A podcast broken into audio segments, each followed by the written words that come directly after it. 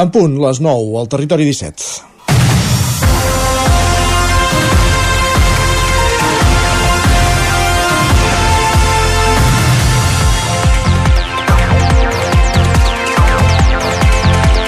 Els projectes de parcs solars acostumen a aixecar polseguera.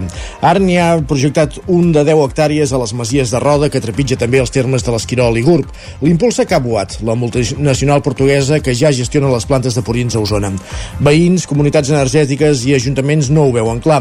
Aquest xoc d'interessos que es produeix que es reprodueix sempre que es posa sobre la taula un projecte així convida una reflexió sobre com s'han d'abordar els passos cap a la necessària transició energètica.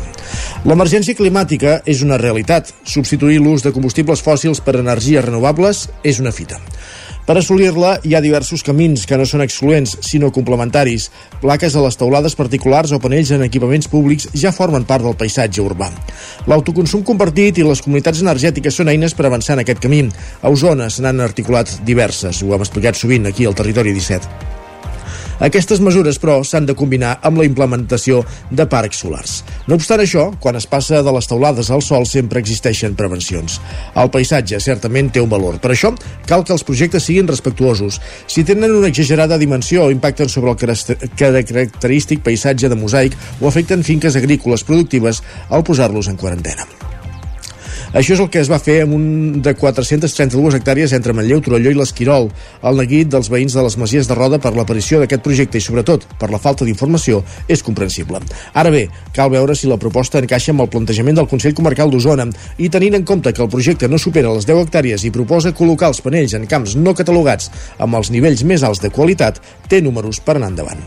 Per això, la crítica s'hauria de convertir en autocrítica.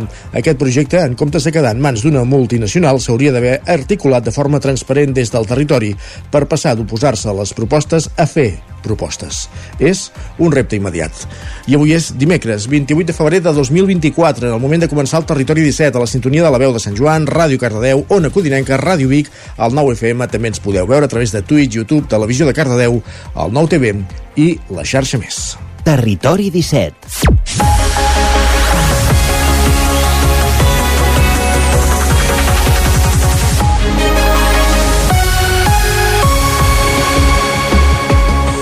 Dos minuts i mig que passen de les 9 del matí en aquest matí de dimecres 28 de febrer de 2024 en un any habitual o cada 3 anys eh, o en 3 de cada 4 anys avui seria l'últim dia del mes de febrer però no, demà és 29 perquè aquest és un any de traspàs i per tant avui és el penúltim dia del mes. Eh, parlarem per exemple amb en Pep Acosta, el nostre home del temps a partir d'un quart d'onze, però abans, com cada dia, repassarem les notícies més destacades de les nostres comarques, l'actualitat del territori 17 en connexió amb les diferents emissores que dia a dia fan possible aquest programa. I abans de dos quarts, en aquesta primera mitja hora, també anirem fins al quiosc amb en Sergi Vives per repassar quines són les portades dels diaris del, del matí. A dos quarts de deu pugem al tren a la Trenc d'Alba amb l'Isaac Muntades en recollint les cròniques des de la veu de Sant Joan dels oferts usuaris de la línia de tren Barcelona-Granollers-Vic, Ripoll-Puigcerdà i acte seguit ens quedarem a la veu de Sant Joan més o menys perquè avui a l'entrevista conversarem amb en Joan Garcia, que és el director de la veu de Sant Joan, però alhora també el responsable de comunicació de l'Ajuntament i el responsable de la revista de la gent de Sant Joan, que estrena nou disseny, i ens acompanyarà, però no als estudis del veu de Sant Joan, sinó als estudis del nou FM, i en Joan Garcia, qui sí que estarà la veu de Sant Joan, és l'Isaac Muntades, amb qui farem aquesta entrevista a quatre mans. I acte seguit, com cada matí, sortirem a l'exterior, avui a Cardedeu, amb l'Enric Rubio conversant amb Laura Duenyes, amb ells arribarem al punt de les 10, notícies a aquella hora, la previsió del temps, i acte seguit, com cada dimecres, avui dimecres, a partir d'un quart d'onze, és el torn dels solidaris, l'espai que ens arriba cada setmana des de Ràdio Vic, amb la veu de la Laura Serrat, i avui conversant amb Serena Brunells, regidora de l'Ajuntament de Muntanyola. A partir de dos quarts d'onze ens endinsem al món de Twitter recollint les piolades més destacades de les últimes hores. Avui toca que ens visiti en Jordi Soler amb una nova edició de l'Alegria Interior i acabarem el programa amb el Lletra Ferits des d'Ona Codinenca amb en Roger Rams en conversa amb Salvador Sala, editor de l'editorial Món Editorial que té un fort vincle al Moianès. Per tant, aquest és el menú del Territori 17 d'avui dimecres 28 de febrer de 2024, un Territori 17 que ara comença tot repassant les notícies més destacades de les nostres comarques, les notícies del Territori 17, les notícies del Vallès Oriental, Osona, el Ripollès, el Moianès i el Lluçanès. Territori 17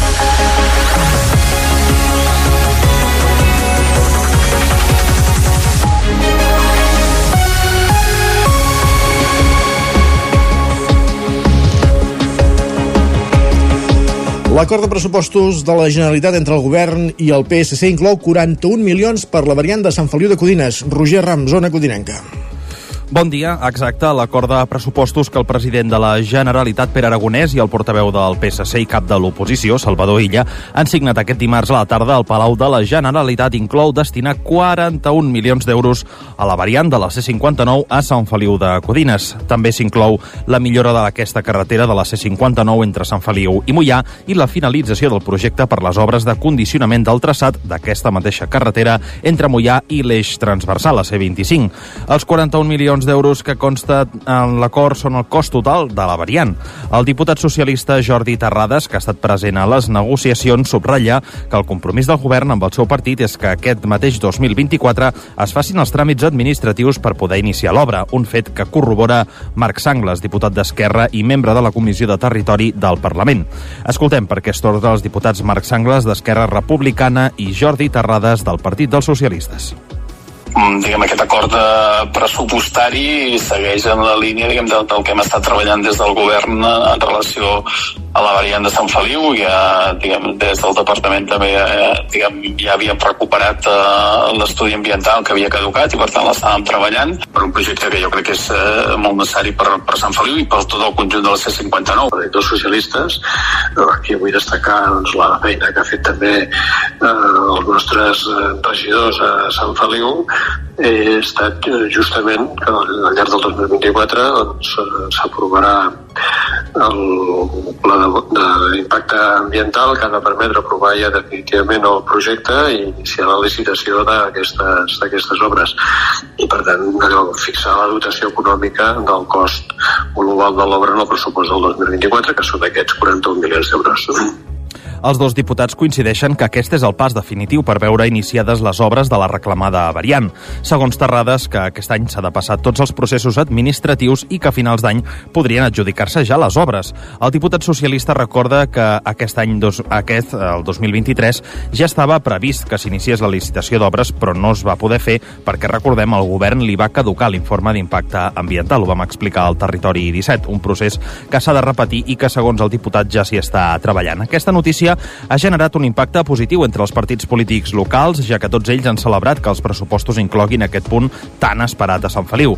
Altres actors implicats, com ara la plataforma C59 Segura, eh, que fa anys que reclama millores a la via, es mostra prudent, ja que el projecte de la variant fa dècades que se'n parla, però de moment mai s'hi ha posat la primera pedra. Els alcaldes de la comarca del Moianès també han celebrat aquesta aposta que permet millorar les connexions de la comarca, sobretot amb l'àrea metropolitana, ja que actualment tots els vehicles que entren o surten del Moianès en sentit sud han de travessar el centre urbà de Sant Feliu de Codines. Gràcies, Roger. Més qüestions. L'antic pont medieval de Sau comença a ser visible era una de les imatges que s'esperava des de feia dies pel fort buidatge derivat de la sequera que afecta l'embassament i per primera vegada s'ha deixat intuir Sergi Vives al 9FM. L'antic pont, un dels elements més emblemàtics del poble submergit a les aigües del pantà, està reapareixent. Es tracta d'una construcció del segle XIV per on passava el riu Ter. Després que la sequera deixés al descobert fa només uns dies l'antic molí de Sau, el pont era l'altre gran element que faltava per veure. L'embassament de Sau es troba ara al seu mínim històric cúbic. Hi ha 2,3 hectòmetres cúbics d'aigua, el que equival a l'1,40% de la seva capacitat. Fa un any, en aquestes mateixes dates, estava al 15,2%. La situació de falta de pediatres del CAP de Torelló continua sent complicada. L'alcalde Marçal Ortuño eh, arriba al punt de fer una crida directa als professionals que vulguin anar a treballar al poble.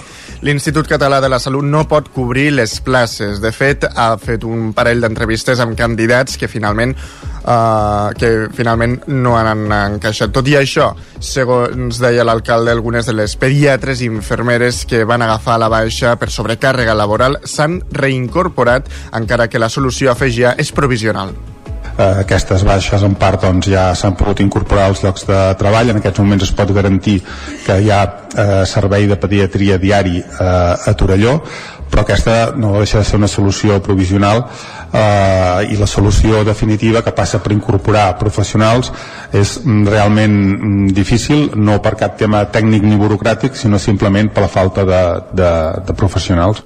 Els grups de l'oposició van exposar la seva preocupació al ple d'aquest dilluns. Maria Àngels Casals, és de la CUP. No només aquí a Torelló, eh, sinó comarcalment s'hauria d'abordar d'una punyetera vegada tot el problema d'aquests, perquè dintre de quatre dies no ens trobarem que ens faltaran metges de, de, i professionals, tant, tant metges com infermeres com pediatres.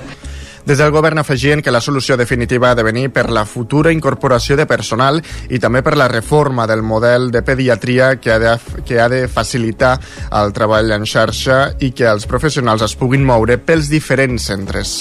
Queda reobert el trànsit al carrer Gran de Call d'Atenes després de més de 17 mesos d'obres. Precisament pel fet de ser una zona d'activitat comercial i havia estat tallada durant més de 17 mesos per les obres, ha provocat malestar entre alguns comerciants. Consideren que tot plegat els ha perjudicat i que en alguns casos la facturació s'ha reduït entre el 50 i el 60%. L'alcalde Miquel Riera, però, treu ferro a les crítiques. És normal, ha sigut un any i mig d'obres dintre de tots els impediments que hi ha hagut amb els comerços sempre s'ha procurat de tenir tots els accessos oberts a les botigues eh, per càrrega i descàrrega vull dir que minimitzant una mica tot el tema de, de l'obra no? La via s'ha reobert al trànsit, però els diumenges, coincidint amb el mercat setmanal, el carrer continuarà sent només per a vianants des de que hi ha el carrer tancat hi ha molta demanda de molta gent que ens demana que el carrer sigui definitivament tancat que per passejar només.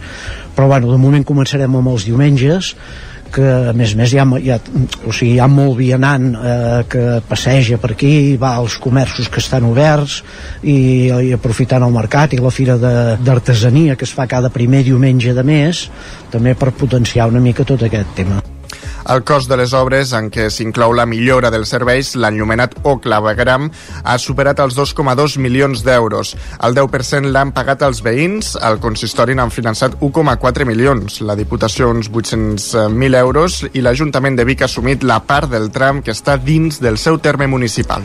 Més qüestions, obrim plana cultural perquè dos usonencs, Sònia Colomo i Eloi Miquel, presenten en un documental la seva experiència a la ruta dels 6.000, al desert argentí d'Atacama. Cicloturisme, bicicleta amb alforgues o senzillament bikepacking. És la passió que fa anys va unir a la manlleuenca Sònia Colomo i al torellonenc Eloi Miquel. Al gener del 2022 van decidir capgirar les seves vides i complir un somni compartit, pedalar les millors rutes de muntanya del món. Una aventura que gairebé dos anys que han allargat fins a finals d'aquest mes de gener i que els ha portat a creuar el Canadà i els Estats Units completant la triple corona que formen les rutes de muntanya més més dures de l'Amèrica del Nord. També han creuat la península de Baixa Califòrnia i Mèxic, han descobert Guatemala, han recorregut tota la serralada dels Andes, des de Colòmbia fins a l'Argentina, passant per l'Equador, el Perú, Bolívia i Xile davant de les 250 persones que dissabte omplien el Saló Catalunya de Sant Julià de Vilatorta presentaven La Puna Màgica, un documental de 25 minuts que trasllada l'espectador a la ruta de los 6.000 al desert d'Atacama, al nord d'Argentina, on van passar 27 dies. Sentim Eloi Miquel. No, la màgia és que estàs sol. Jo crec que és una de les coses que com a nosaltres com a aventurers ens, ens agrada, és la, estar sols a la muntanya i allà doncs, et trobes en, enmig de muntanyes de més de 6.000 metres completament sols um, només, bueno, només um, escoltant el, el vent i, i el silenci que també vam ser capaços d'escoltar-lo i, i realment doncs és això és, passes pedalant hores i hores descobrint valls noves, muntanyes de colors i aquest, aquesta és la, és la millor experiència d'aquella zona, estar sol una de les grans dificultats de la ruta va ser carregar menjar, aigua, combustible per poder cuinar, roba, material per acampar i dispositius electrònics per poder gravar. Tot això explica Sònia Colomó a cavall de dues bicicletes. Doncs aquesta aventura era una aventura que requeria molta planificació i la part més complicada era carregar menjar perquè havíem de portar 20 dies de menjar a la bicicleta.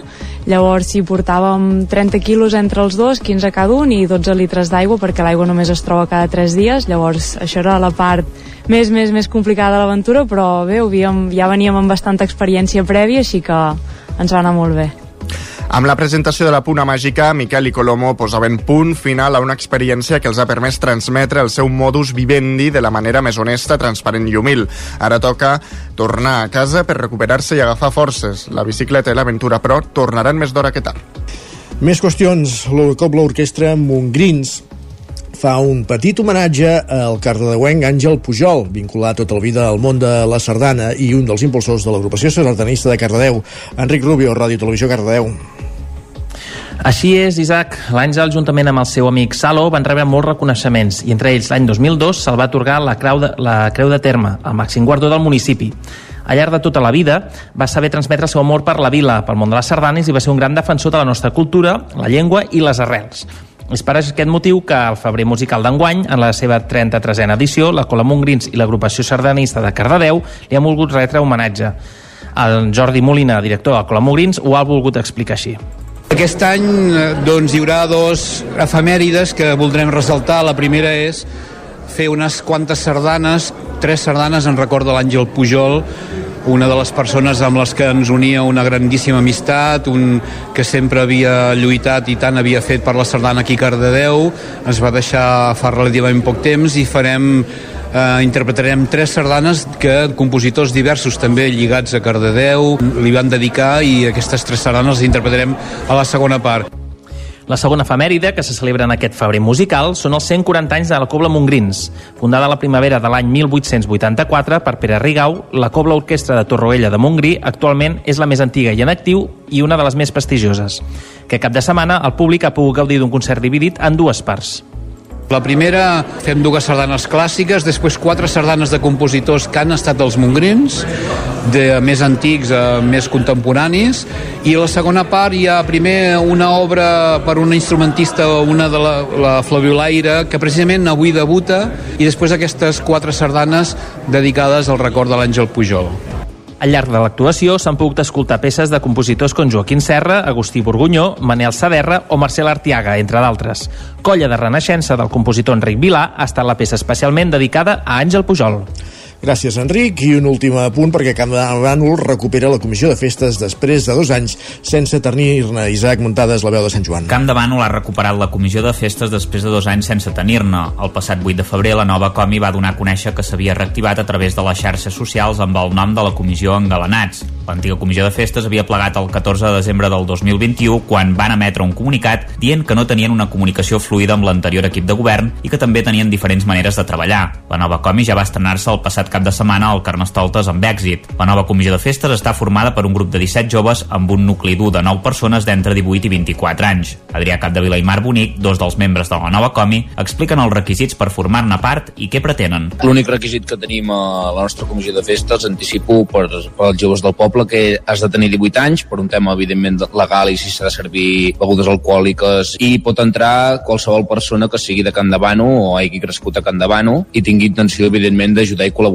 som una colla d'amics que teníem moltes ganes de fer coses pel, pel poble i ajudar i que hi hagi ambient a Can Davano i pues, al final pues, vam, hem fet el possible ara que s'ha canviat l'Ajuntament també, que hi ha més bon rotllo al final poder, poder fer moltes coses pel poble i que tingui més ambient al final. La nova comi s'estrenarà oficialment el dissabte de Setmana Santa en què faran una festa a la sala Diagonal.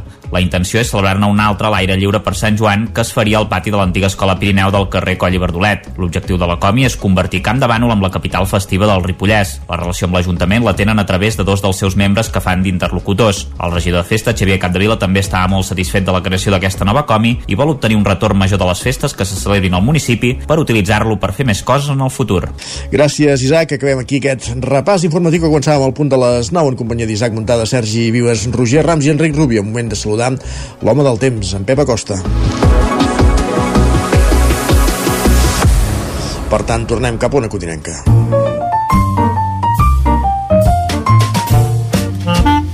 Casa Terradellos us ofereix el temps. És moment de repassar l'evolució meteorològica de les darreres hores i saber quin temps farà a partir d'avui. Pep Acosta, benvinguts, bon dia. Hola, què tal? Com estàs? Home, tot.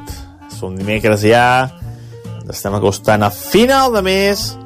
Avui dia 28 i ens llevem amb unes temperatures eh, força baixes, eh, només per sobre els 5 graus cap a zona del prelitoral, entre 0 i 5 graus Moianès, Osona i zones pròximes. I eh, molt negatives les temperatures una altra vegada a alta muntanya, glaçades cap a transversal, cap al Montseny i en especial a la zona del Pirineu eh, tots aquests dies temperatures mínimes i màximes entre 5 i 10 sota 0. Per fi, aquest fred viu cap a la zona del Pirineu, que a més ha estat acompanyat eh, d'un vent molt fort, ben fortíssim les últimes hores, de més de 100 km per hora a tot el Pirineu, fent augmentar considerablement aquesta sensació de fred en aquella zona. Uh, la bona notícia, la bona notícia uh, d'ahir, d'aquesta nit, és la nevada que està afectant a, a l'extrem nord del Ripollès. Uh, no m'equivocaria gens si dic que és la nevada més important de tota la temporada. Uh, arriba molt lluny, arriba ja a finals del mes de febrer, però bueno, sempre és una bona notícia que nevi, uh, és una excel·lent notícia, uh, per fi que ja zona del Pirineu es veu bastant blanca. Ahir i aquesta nit eh, s'han acumulat entre 10 i 15 litres de precipitació en aquella zona. Eh, excel·lent notícia. Portem dos dies que més o menys plou d'aquesta manera a tota la, a tota la conca de, de, del Ter a, a l'extrem més, més uh, septentrional de la conca de, de, del Ter Uh, portem dos, uh, dos dies amb això, eh, amb 10 o 15 litres, amb 10 o 15 centímetres de neu, i per tant és una excel·lent notícia de cara a les reserves d'aigua, de cara a un futur desglàs que serà ben pròxim perquè aviat començarà a desglaçar. Però bueno, és bona notícia, eh? bona notícia eh, que tota a tota la conca eh, nord del Ter Eh, portin dos dies nevant i plovent. Aviam, aviam si mica en mica eh, es va solucionant una mica menys la sequera en alguna part de les nostres comarques. Um, avui serà un dia de poca pluja. Aquesta nevada a l'extrem nord del Ripollès, a l'extrem uh, de Baitell, a, la zona de Baitell i zones pròximes, anirà afluixant, mica en mica anirà desapareixent, el vent també afluixarà, no ho farà en cops tan forts, i a la tarda queixaran algunes nuvolades en torn del Montseny, de les Guilleries, no es descarten quatre gotes del tot testimonials si és que arriben a caure. Seran uh, una anècdota, però bueno, no es descarten quatre gotes. Les temperatures uh, seran molt semblants a les d'ahir, la majoria màxima, de màximes entre els 10 i els 15 graus, només superiors a aquests 15 graus cap a la zona del prelitoral. Uh, molt sol i núvols, uh, estem en un terreny de ningú, no hi ha anticicló, ni hi ha, ni hi ha perturbacions, i per tant aquest temps variable, però malauradament sense cap gran precipitació. Només nevarà una mica avui, una altra vegada cap a la zona de Baiter, de l'Alt Ripollès i eh, pels pròxims dies no es veu cap gran pertorbació, eh, tampoc cap gran anticicló, continuem aquest temps eh, una mica variable, amb núvol, sol i amb unes temperatures molt semblants tot el que queda de setmana. Adeu! Gràcies, Pep. Parlem d'aquí una estoneta. Casa Tarradellas us ha ofert aquest espai. I ara, repassat el temps, és moment d'anar al quiosc. Per repassar Sergi Vives, el 9FM, les portades del matí dels diaris d'avui, què diuen? Doncs mira, el periòdico diu que Educació, Salut i Sequera són els eixos de l'acord Aragonès-Illa. Expliquen que els pressupostos de la Generalitat estan a un pas d'aprovar-se a l'espera de la negociació amb els comuns. Diuen que Junts qualifica el pacte de sucursalista i descarta sumar-s'hi al Parlament. Carai. Qui més? Qui més la Vanguardia diu que Sánchez afronta la seva pitjor crisi al PSOE amb l'expulsió d'Avalos. Diu que el qui va ser el secretari d'organització és suspès de militància i deixa el grup amb un diputat menys i se'n va al mix. No acabaré com a corrupte quan sóc innocent, diu l'exministre, mentre el PP acusa el president per acció o omissió. I per altra banda destaquen el retrobament afectuós a Windsor entre el rei Felip VI i el seu pare, el rei Joan Carles. Expliquen que va ser ahir durant la missa en memòria de Constantí de Grècia i tal com podem veure a la imatge que ocupa avui la portada, un cop acabada la cerimònia, Felip VI va oferir a l'emèrit el seu braç. Aquesta és la primera imatge pública de reconciliació des del 2020. Molt bé. L'Ara diu que l'índex per a baixar el preu eh, dels lloguers entra en vigor al març. Expliquen que la mesura d'àmbit estatal serà d'aplicació obligada per a grans tenidors amb més de 5 pisos. La Generalitat calcula que la norma obligarà a rebaixar el preu d'uns 40.000 pisos a Catalunya. Per altra banda, diuen que els restauradors denuncien els forns de pa que fan de bar. Expliquen que consideren que part d'aquests espais fan competència deslleial.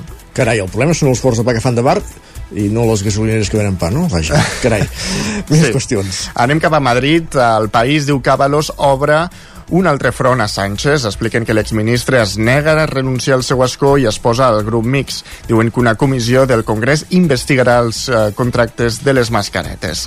L'ABC diu que la Fiscalia Europea demana al jutge informes del cas Coldo. Expliquen que reclama la querella d'anticorrupció i la comissió investiga si els contractes van afectar a fons comunitaris. El Mundo diu que el desafiament d'Avalos posa a prova l'autoritat de Sánchez i, per altra banda, també diuen que Armengol va amagar al demanar fons a la Unió Europea que les mascaretes eren ultrafake, tot i que tot i que ho sabia. Expliquen que l'expresidenta balear i actual presidenta del Congrés es mostra indignadíssima perquè la vinculen amb aquesta trama. I acabarem amb la raó que diu que Feijó reclama una Generalitat que sigui responsable. Expliquen que posa el Mobile World Congress com a exemple del potencial de Catalunya que pot anar més. Lliçons les justes, senyor Fincó. Exactament. Gràcies, Sergi. Repassem ara digitals a l'edició del 99.cat d'Osona, el Ripollès, el Moianès i el Lluçanès. Doncs ens quedem amb Osona perquè diuen que l'Escola de Música de Torelló estrena Kabuki, un espectacle per a nadons. I a l'edició del Vallès Oriental i el Moianès? Doncs diuen que obre portes un centre Barnaus a Granollers per atendre els menors víctimes de violències sexuals del Vallès Oriental. Doncs ara sí queda recollit, gràcies Sergi. Nosaltres el que fem tot seguit és una petitíssima pausa i eh, abordem la segona hora del Territori 17. Primer de tot pujant al tren a l'entrenc d'Alba i després en conversa amb Joan Garcia per parlar del nou disseny de la revista de Sant Joan de les Abadesses. Fins ara mateix. El nou FM, la ràdio de casa, al 92.8. Cobertes serveis funeraris els nostres tanatoris estan ubicats en els nuclis urbans més poblats de la comarca d'Osona per oferir un millor servei. Tanatori de Vic, Tanatori de Manlleu, Tanatori de Centelles i Tanatori de Roda de Ter. Sabem que són moments difícils i per això el nostre compromís és atendre-us en tot moment amb un tracte humà, sensible i respectuós. Cobertes serveis funeraris. Telèfon 24 hores 93 883 23 46. La qualitat de les teves impressions és important per tu? Estàs cansat que els colors i les imatges no surtin com t'esperes? A Impremta Mater disposem de la tecnologia més avançada i els millors professionals per aconseguir impressions d'alta qualitat. Fem tota classe d'impresos amb acabats professionals. Llibres, catàlegs, revistes, tesis, calendaris, enquadernacions... I, a més, disposem del servei d'impressió digital en gran format, roll-ups, lones, pòsters i molt més. Impremta Mater. Ens trobaràs a la carretera de Sant Hipòlit 23 de Vic o impremtamater.com. T'imagines un programa de política, d'economia, feina... Doncs ja te'n pots oblidar. Quin tinglado! Un programa d'entreteniment, actualitat, cultura i molt rigorós. Amb Bata Serrat, Miquel Giol i Eudal Puig. Un programa que no passarà a la història i que tampoc guanyarà cap ondes. No ens flipem. Escolta'l cada dijous en directe de 8 a 9 del vespre al 9 FM. Ai, ai, ai, quin tinglado! Cocodril Club. Si t'agrada la bona música dels anys 60, 70 i 80, escolta el 9 FM als matins de dissabtes i diumenges d'11 a 1. És el temps del Cocodril Club, tot un clàssic de la ràdio, amb les bases del pop-rock, les llegendes, les cançons que s'han convertit en autèntics himnes. Recorda, dissabtes i diumenges al matí, d'11 a 1, al 9 FM 92.8. Cocodril Club, el programa revival de l'Albert Malla. Hasta luego, cocodrilo. L'infopodcast del 9-9 amb Sílvia Pedret. Cada dia et donem les claus de les notícies més rellevants de casa nostra. Vivim en una comarca que s'està demostrant pionera en trans... Desperta't cada dia amb l'infopodcast del 9-9. Aquesta setmana tornen a ser notícia els pantans perquè han baixat... El trobaràs a dos quarts de vuit del matí al 99.cat, Spotify, iVox i, si ho vols, te l'enviem directament al mòbil. Subscriu-te als canals de WhatsApp i Telegram del 99. Soc Sílvia Pedret. Comencem.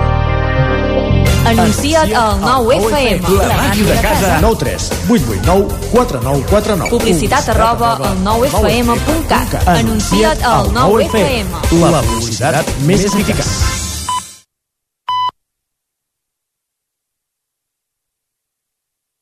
Territori 17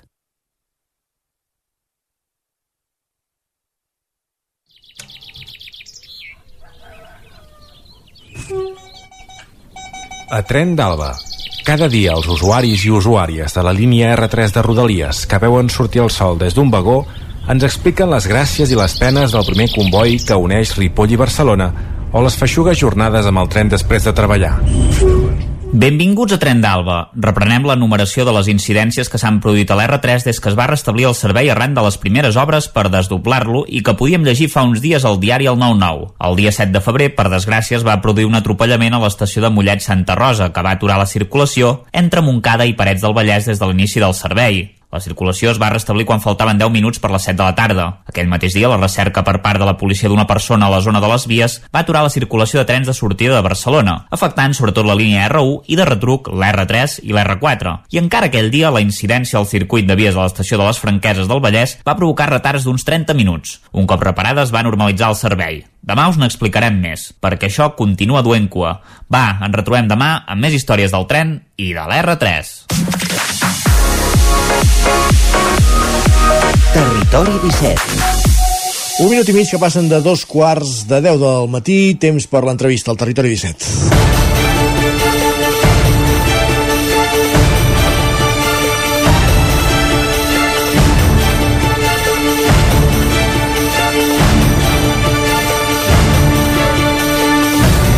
S'ha posat a la venda un nou número de la revista SJA, Sant Joan de les Abadesses, que explica l'actualitat de Sant Joan i aprofundeix en reportatges sobre la vila. Aquest nou número, el número 23, ha estrenat un nou disseny per millorar la qualitat de l'edició. I avui en parlem amb el seu director, en Joan Garcia, que ens acompanya als estudis de, del nou FM però també en companyia de, de l'Isaac Muntades des de la veu de Sant Joan. Benvinguts tots dos, bon dia. Hola. Bon dia. Se'm fa Isaac. curiós això de que m'entrevisteu, eh? Perquè... Sí, eh? Nosaltres també. Sí, us, he, em sem... us he de fer les preguntes aquestes de quan sortirà, què em demanareu... És en directe? És en directe. Aquesta, aquesta és molt habitual, també. és en directe. Em, em sembla que en 5 anys de Territori 17 no havíem tingut el ple de- d'entrevistar-te, per tant, eh, avui, avui ho farem i tenim un bon motiu. Eh, bon dia, Joan. Eh, comencem pel, pel principi. Eh, la principal novetat d'aquest número de la revista SJA és que ha canviat el disseny. Per tant, la pregunta és obligada. En què ho notarem quan la tinguem a les nostres mans? En què es nota la millora? Quins són els canvis principals que s'hi han fet i em sembla que bueno, hi ha una persona d'aquí Sant Joan que és qui s'ha encarregat del, del redisseny, no? Sí, eh, ho notareu només de tocar-la perquè el paper fins i tot ha canviat. Hem fet servir un paper així um, um, tipus reciclat, però que dona una sensació més com, com, com d'elegància eh, enfront del, del paper satinat que teníem i després també el disseny. Hem canviat el disseny de dalt a baix. L'ha fet la, la dissenyadora santjoanina la Meritxell Jordà però que treballa justament en un estudi de disseny de, de Vic, el Zoo.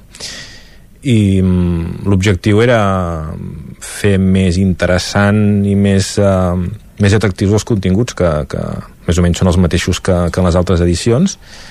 I ostres, ja n'estem molt contents perquè la veritat és que abans patíem fins i tot perquè dèiem la lletra la volem fer una mica més petita, es llegirà? Doncs eh, màgia del disseny no? que, que, que amb un disseny ben fet realment es llegeix fins i tot millor que, que amb una lletra més grossa. Si, depèn de com la, la posa jo no sóc un, un especialista en disseny però, però, però és així.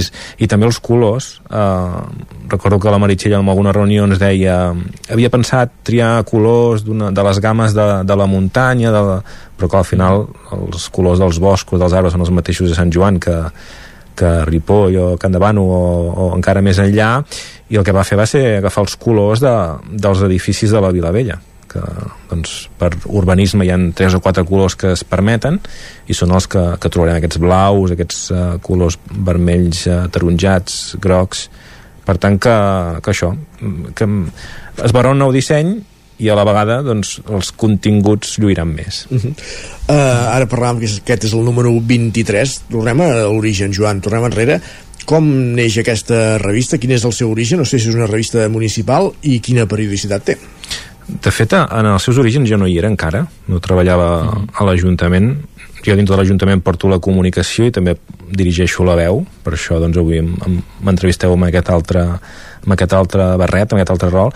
I quan vaig entrar jo ja s'havia fet la primera que es va fer crec que el 2000 Um, 2011 2011, ser, sí, just abans de les eleccions municipals i de fet sempre hem fugit una mica de, del debat polític però en aquell primer número, precisament per ser el primer i per haver-hi les eleccions no es podia deixar doncs davant d'això i es va fer una entrevista a tots els candidats. Uh, en Jordi Ramolins vaig veure que el 9-9 havia escrit una cosa que em va semblar molt curiosa que és que en aquell moment es va demanar als cinc candidats que hi havien que, que recitessin la vaca cega i els dos únics que ho van saber-ho fer justament van ser els que avui en dia encara hi són eh, ja sigui doncs, a l'alcaldia com a l'oposició I, i això va néixer amb la intenció de suplir una mica el butlletí municipal típic que explica sempre les notícies de, de la gestió de, de l'Ajuntament, que d'alguna forma ja, ja està integrat dintre d'un apartat que es diu Nòtules, però es va voler això, donar, donar més veu a, a reportatges o a entrevistes o a, o a la gent de Sant Joan. Uh -huh. A la portada hi veiem bicicletes i ciclistes. L'article central eh, recorda el pas de ciclistes fa 50 anys pel poble, motiu de, de la Volta a Catalunya. Què hi expliqueu? És un, és un article d'en Xevi Soler, periodista esportiu de, de Catalunya Ràdio, i que aprofitant doncs, que fa 50 anys la, la Volta a Catalunya va tenir una sortida i una arribada a Sant Joan i que res, d'aquí a, a un mes tornarà, tornarà a passar uh -huh. doncs perquè la, la, Sant Joan serà la sortida de, d'una etapa d'aquest any, doncs s'ha fet aquest uh, reportatge amb fotografies molt, molt xules antigues i explicant doncs, com va anar aquella etapa que en veritat eh, pel que diuen Xevi no va ser una etapa gaire lluïda es veu que feien dobles etapes en, aquell, en aquella uh -huh. època i que la segona se la prenien una mica com mirem d'anar fins allà perquè ens ho fan fer, no? però no hi havia gaires moviments. De, un, un tram d'enllaç, vaja. Exacte, exacte. Però, clar, el que és interessant també és veure el, el, la repercussió que va tenir a Sant Joan. De fet, hem fet una cosa nova en aquest nou disseny que és que és fer una doble, una, doble, una fotografia a doble pàgina i es veu uh -huh. doncs, part del, del, del nostre poble eh, a patar de, de gent i de curiosos, balcons uh, i, i, i aquestes, bueno, aquestes publicitats no, que, fan, que fan riure ara. Uh, Deixem-me interrompre un moment sí. l'entrevista. És que compareix el president de la Generalitat, Pere Aragonès, per parlar de, del projecte de, de llei de pressupostos que el govern aprovarà aquest matí, un projecte de llei que, que és possible, en part, després de l'acord que s'anunciava ahir entre Esquerra, entre el govern de la Generalitat, i el grup parlamentari de, del PSC. Escoltem un moment Pere Aragonès i reprenem l'entrevista. Per fer-lo avançar ha estat superar les dificultats de fons i situar-nos en la millor posició per fer un salt endavant. Un salt endavant des del punt de vista social, des del punt de vista ambiental, des del punt de vista econòmic, des del punt de vista nacional. I portar Catalunya on es mereix. Amb aquesta mentalitat, cada any hem destinat molts esforços i hem treballat per vestir acords perquè els pressupostos fossin una realitat el pressupost és la millor eina per aprofitar al màxim els recursos que tenim. I en voldríem molt més. En necessitaríem molts més. I necessitem, per tant, també posar fi al dèficit fiscal. Però aquests pressupostos ens permeten que la ciutadania de Catalunya tingui més oportunitats. Per tant, hem vestit bons acords pressupostaris. Ens han permès que aquesta legislatura deixéssim enrere les retallades que van valmetre el nostre estat del benestar i a més hem mobilitzat més recursos que mai per recuperar la capacitat d'inversió de la Generalitat, que vol dir fer noves escoles. Pere Aragonès, president de la Generalitat, compareix aquesta hora al Palau de la Generalitat. Ahir van fer-ho el primer secretari del PSC, Salvador Illa, i després la vicepresidenta del govern, Laura Vilagram. Avui és Pere Aragonès qui compareix per valorar aquest projecte de llei de pressupostos que avui ha d'aprovar el govern. Ho dèiem també a les notícies, un projecte de llei que inclou, per exemple, la variant de la C-59 a Sant Feliu de Codines o una altra qüestió de la qual hem parlat sovint, Isaac, aquí al territori 17, com és l'escorxador de, del Ripollès, el que encara no hem pogut entrar al detall de quina partida s'hi s'hi destinen. Reprenem l'entrevista que, com dèiem, fèiem amb Joan Garcia, eh, director de, de, també de la veu de Sant Joan, però també de, de la revista SJA, Sant Joan de les Abadesses, que, que ha publicat un nou número, el número 23, que estrena disseny. I Isaac, eh, per on continuem? Sí, eh, comentàvem això de la Volta Ciclista a Catalunya. Ara poder l'enganxarem fred, eh, però no sé si en Joan sap qui va guanyar aquella etapa. Què va, això és un, és un examen o què? És un examen, això. No, doncs... Jo tampoc ho sé, eh? Era, era per si ho sabies, eh? Vai, empanitza. Molt bé. Va dir És aquest o no? O, sí. o, o, sí, no, no, no, va ser així, va ser així.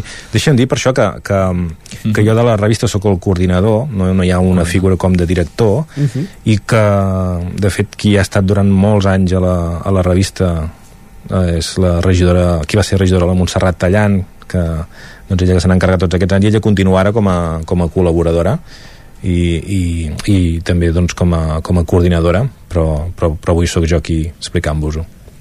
Uh -huh. uh, la revista Joan uh, tenim un munt d'articles per exemple n'hi trobem un sobre el nou orgue del monestir no? també hi ha la societat de caça centenària al, als Pirineus i, i per exemple també es parla de la figura del, del pintor Gerard Sala no? vull dir que és una revista variada després si vols també entrarem en un reportatge que hi ha sobre la veu de Sant Joan però explica'm una mica Uh, breument aquests temes no? que també són, són interessants i que complementen el, el reportatge principal que seria el de la volta ciclista Clar, a la revista intentem uh, explicar doncs, coses especialment de, de, de, de, de les persones, és a dir, les persones sempre al centre i per això hi ha articles dedicats a explicar doncs, activitats o, o iniciatives de personals, com per exemple en aquest número hi ha la, la, un reportatge sobre la Mariona Vila, que és una estudiant de Sant Joan que ha anat a fer el batxillerat als Estats Units, doncs parlem d'ella, o també el de el d'una Sant Joanina, aquí, doncs, aquí va perdre el seu germà per, per mort per suïcidi, i doncs també li fem una entrevista, però ho barregem sempre amb articles històrics de, de recerca i d'investigació, com per exemple el que comentaves de, de l'orga, que doncs, amb l'excusa que l'any passat es va adquirir un nou orgue, doncs en Marcel Miquel fa un repàs de, de la trajectòria musical del, del monestir amb, coses bastant divertides i interessants perquè doncs busca documents i sabem com van pagar a tal persona que li van donar dos formatges perquè l'òrgan sonava molt bé. Eh, és, és, és una mica de d'articles històrics però, però intentant que siguin amens com per exemple aquest d'en Miquel Bosch que es diu de la pedra tallada a l'escopeta i en el qual fa un repàs de, de la societat de caça al Pirineu, però no ho fa ben bé només de l'entitat, sinó que justament també es comença des de la prehistòria, no? des de quan per aquestes contrades també es caçava. Per tant que intentem barrejar això, eh, articles històrics amb coses molt més actuals i amb entrevistes també. Mm -hmm. Això que comentàvem, eh? també finalment destaca l'article sobre els 40 anys de la, de la veu de Sant Joan, d'això realment ens en pots parlar gairebé en primera persona, no l'has escrit tu, però realment eh, I tampoc tu estat... d'això en domines, eh? I tampoc hi has estat 40 anys, però no, bueno, gairebé. no, no, no, no, no, no, no. tampoc, com a, com a col·laborador doncs, potser fa potser 15 anys no ho sé. Déu-n'hi-do, no són pas pocs, 15 de 40, eh? No, no, no, la veritat és que no. I, i bé, ostres, quan en Jordi Ramolins va acceptar escriure aquest article em vaig treure un pes de sobre, perquè parlar d'una cosa que, que t'estimes o que tens molt a prop eh, és, és, és complicat i ell suposo que amb una mica de, de perspectiva, tot i que ell també és col·laborador de l'emissora, doncs ho va fer. I l'article està pensat en explicar justament aquells inicis, perquè sí que potser l'època d'esplendor de l'emissora va ser eh, amb la direcció d'en Joel, Joel Tallant. En aquell moment doncs, no hi havia no havies de competir amb altres formes d'oci ni, ni amb mòbils ni amb, ni amb xarxes socials. Llavors l'emissora, la ràdio era, un, era una eina molt important a l'hora de, de comunicar-se informació això i entreteniment també. I, i aquella època és molt interessant, però l'article se centra ben bé en, en, el, en els inicis de, de l'emissora, que va començar també en una campanya electoral i crec que al principi l'emissora es deia l'oreig entre els pins o alguna cosa així, perquè de fet no volien explicar des d'on s'emetia perquè era, era una cosa il·legal i irregular. Llavors quan, mm. es va, quan van passar les eleccions ja es, va, es van fer les coses bé i es va, bueno, es va inaugurar l'emissora com, com, com Déu mana. Uh -huh.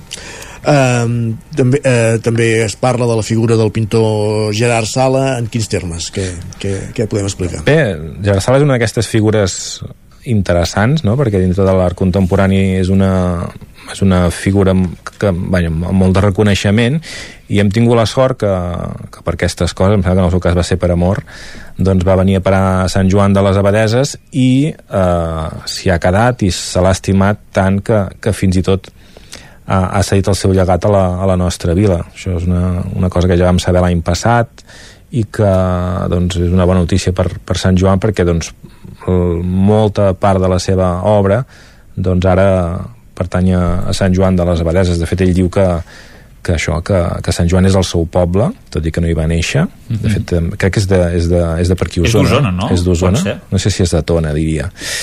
Però, però sent Sant Joan com el seu poble i, i ell va entendre que havia deixat llegat aquí. Uh, de fet, ell ha estat una de les persones també que ha ajudat a impulsar l'espai Art l'Abadia i que ha aconseguit que durant ja més de 10 anys s'hi facin exposicions eh, molt interessants i que porten molta gent de fora, no? Déu I, la de... i, i l'article sí, que, la, que l'article en si també el, el fa en Salvador Vergés uh -huh. eh, escriptor eh, ell és, bueno, de fet ell, crec que ell era era mecànic però en la jubilació va començar a escriure i ho, i ho fa molt bé, de fet ha guanyat uns quants premis i, i clar, és un luxe també primer, tenir una entrevista amb en Gerard Sala i segona que la faci en Salvador Vergés perquè doncs, la forma que té d'explicar-ho i tot ja és com una, com una peça d'art en, en ella mateixa uh -huh. uh, hem vist que hi ha un munt d'entrevistes de, en profunditat, reportatges també, per tant una, una revista SJ molt completa, aquesta 23a edició, però hi ha altres seccions, em comentaves això eh, abans, has deixat entreure que hi ha per exemple les nòtules, què més hi trobem a, a la revista SJ. Les nòtules no sé si hi ha espai per res més, eh, gairebé. Mm, home, la veritat és que és quan fas una revista també és curiós, no?, començar a parlar d'aquestes coses de, del preu de les pàgines, de si anem a quantes, a 54 o a menys, no? De fet, si tu afegeixes una, una pàgina n'has d'afegir 4 pel tema de la maquetació, per tant que també és un bon això de quadrar-ho i és veritat que, que a vegades no hi ha espai per tot i de fet hi ha aquest espai de nòtules que és bastant important, que és un repàs de les coses que han passat durant l'any, però també amb una mirada àmplia i diferent, és a dir, segurament hi ha moltes notícies que si des del territori 17 féssim un, un resum de l'any hi apareixerien, però moltes d'aquestes potser no, i és perquè això, venim a donar doncs, protagonisme a, a, a persones com estudiants que han guanyat un premi d'un treball de recerca o, o a esportistes que han, fet, que han guanyat certes, certes proves. També hi ha una, un apartat al final de la revista en el que expliquem els nous negocis que, que s'han obert a Sant Joan per donar-los un cop de mà. Deixaria ser com una mena d'anunci però, però, però gratuït explicant qui són, què obren, el per què quina experiència tenen.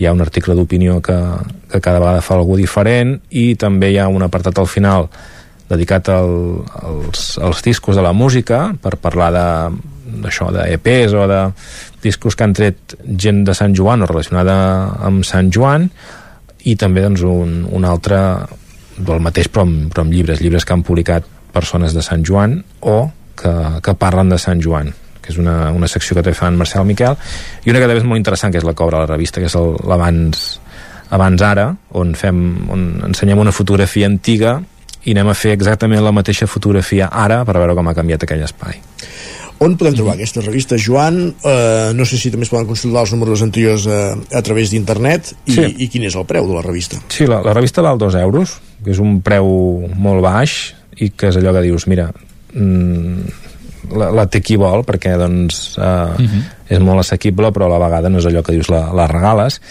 i es pot comprar a la llibreria Garriga també a l'oficina de turisme i a, la, i a la biblioteca Josep Picola i sí, anem penjant la, els articles a, a internet, les, les, les revistes senceres a internet, a la nostra pàgina web i també en altres serveis que hi ha de, de recull de premsa local en línia. I és bastant interessant perquè justament com que hi ha aquests articles històrics també eh, és com una eina de consulta també. Vull dir que hi ha molta gent que, que truca demanant informació perquè està fent estudis o coses i veu que hi ha uh, aquestes revistes i, i s'hi interessa. Vull dir que, és, que és, una, és una bona eina de cara al poble per deixar constància de moltes coses i, i també de fer-ho en un format que potser no té cabuda dintre del monogràfic, que és el, la publicació de Sant Joan per excel·lència per, per aprofundir en temes, i, i que tam, i, i que necessiten també més pàgines de les que doncs, uh, potser un article de diari et permet. Uh -huh. uh, quina periodicitat té? Um, no, no, no té periodicitat. Sí, ens, ens, l'objectiu és fer-ne dues cada any, però és, és cert que des de la pandèmia que, hi hem tingut, que vam tenir una complicació per fer-la, vam fer una i la vam fer molt més gruixuda, i ara amb aquest disseny, amb la nova adaptació hem anat una mica més lents i també hauria d'haver sortit abans però ha sortit ara, intentem fer-ne un parell a l'any, esperem que la, que la propera surti de cara al setembre-octubre. Uh -huh. Perfecte. Joan Garcia, eh, coordinador de la revista SJA de Sant Joan de les Abadesses, director de l'Eu de Sant Joan. Gràcies avui per ser al Territori 17 i, i explicar-nos en detall aquest nou número i posar-nos una mica al dia de, de l'actualitat de Sant Joan, no sé més no, d'aquest projecte que, que, com dèiem, ja fa una colla d'anys que, que funciona i que aquest any estrena nou disseny. Molt bé. Fins la propera. Moltes gràcies. Gràcies també, Isaac. Eh, ens retrobem d'aquí una estoneta. Fins d'aquí una estona. I ara el que fem tot seguit és sortir a l'exterior i saludem de seguida de l'Enric Rubio des de Ràdio Televisió Cardedeu.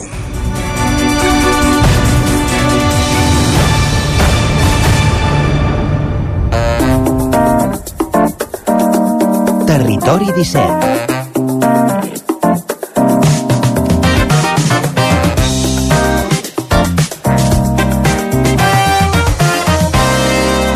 9 minuts perquè siguin les 10 del matí i sortim a l'exterior com fem cada matí i avui qui hi surt al carrer és l'Enric Rubio de Ràdio Televisió Cardedeu Enric, bon dia, benvingut, on ets i amb qui?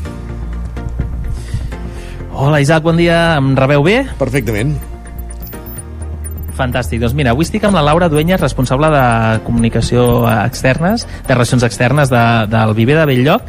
Uh, I mira, començaré dient això.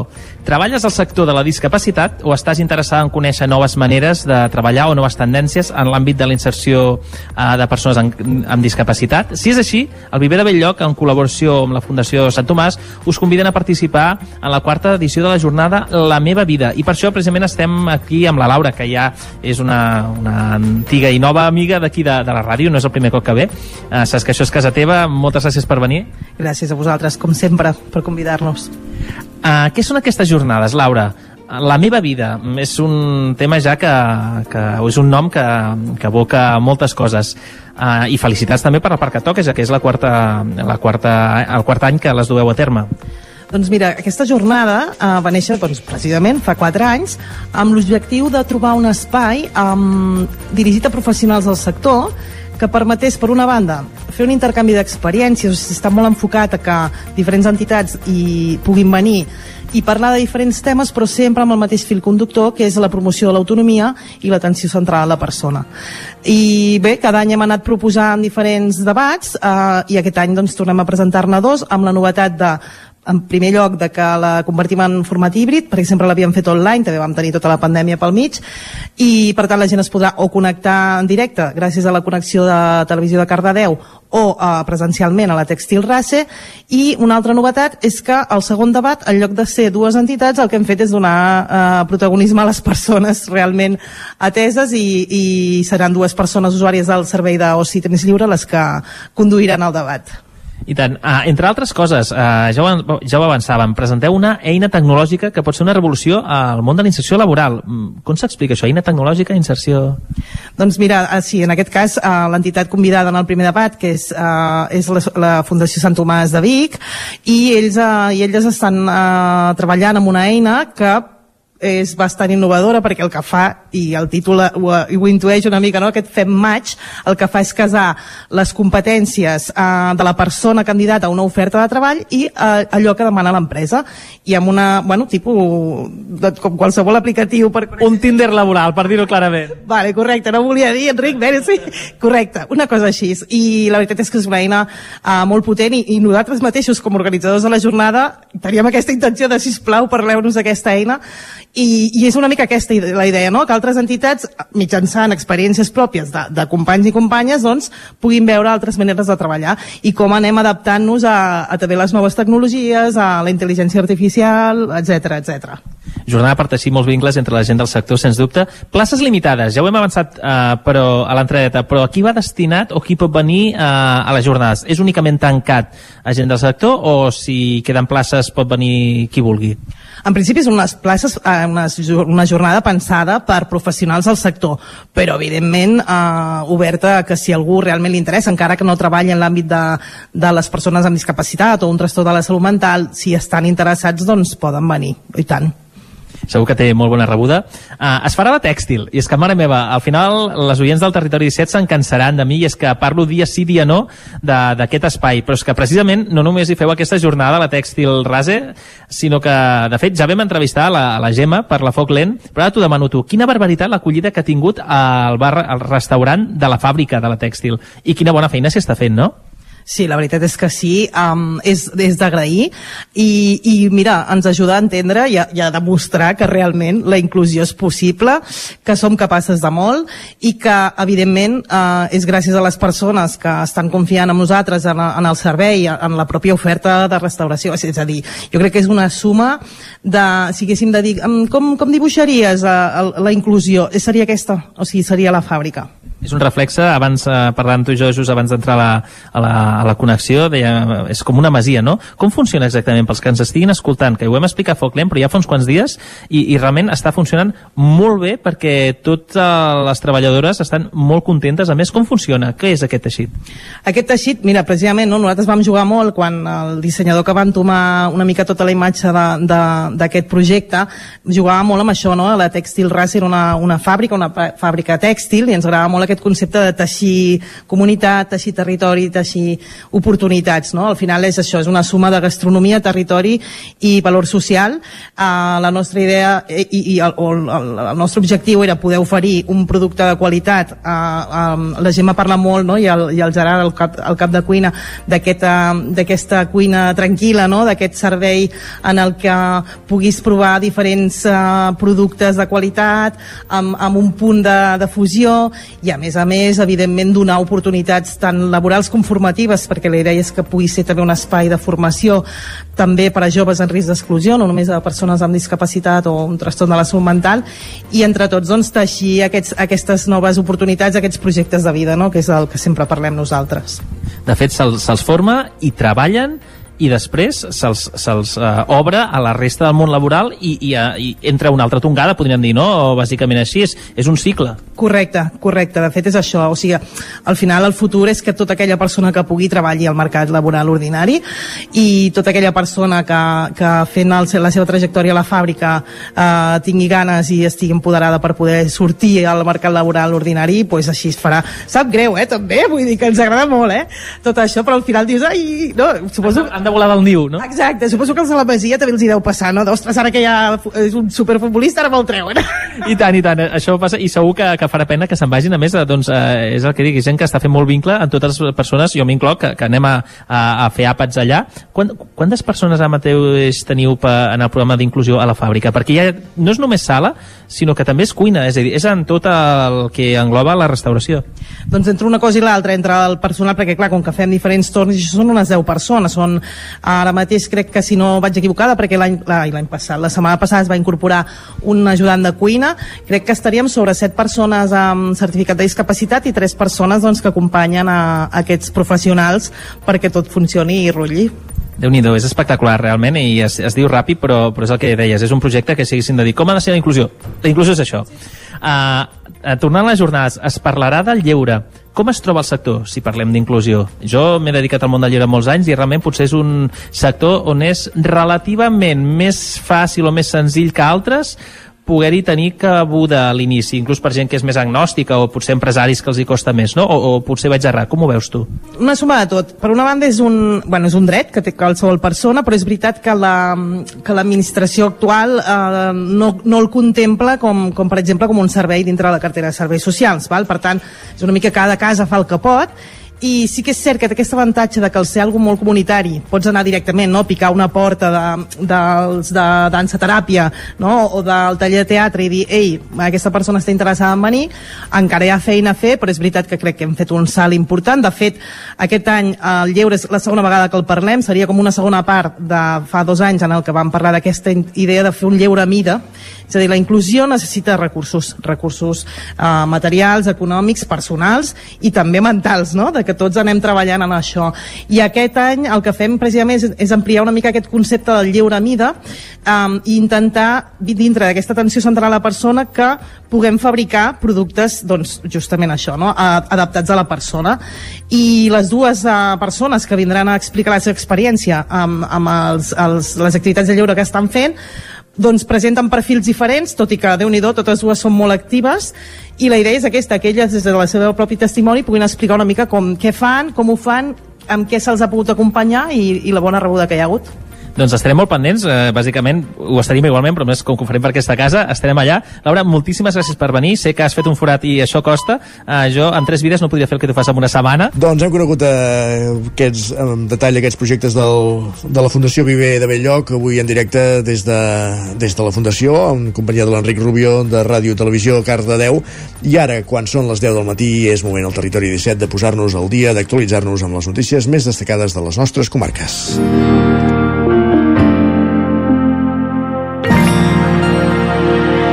Territori 17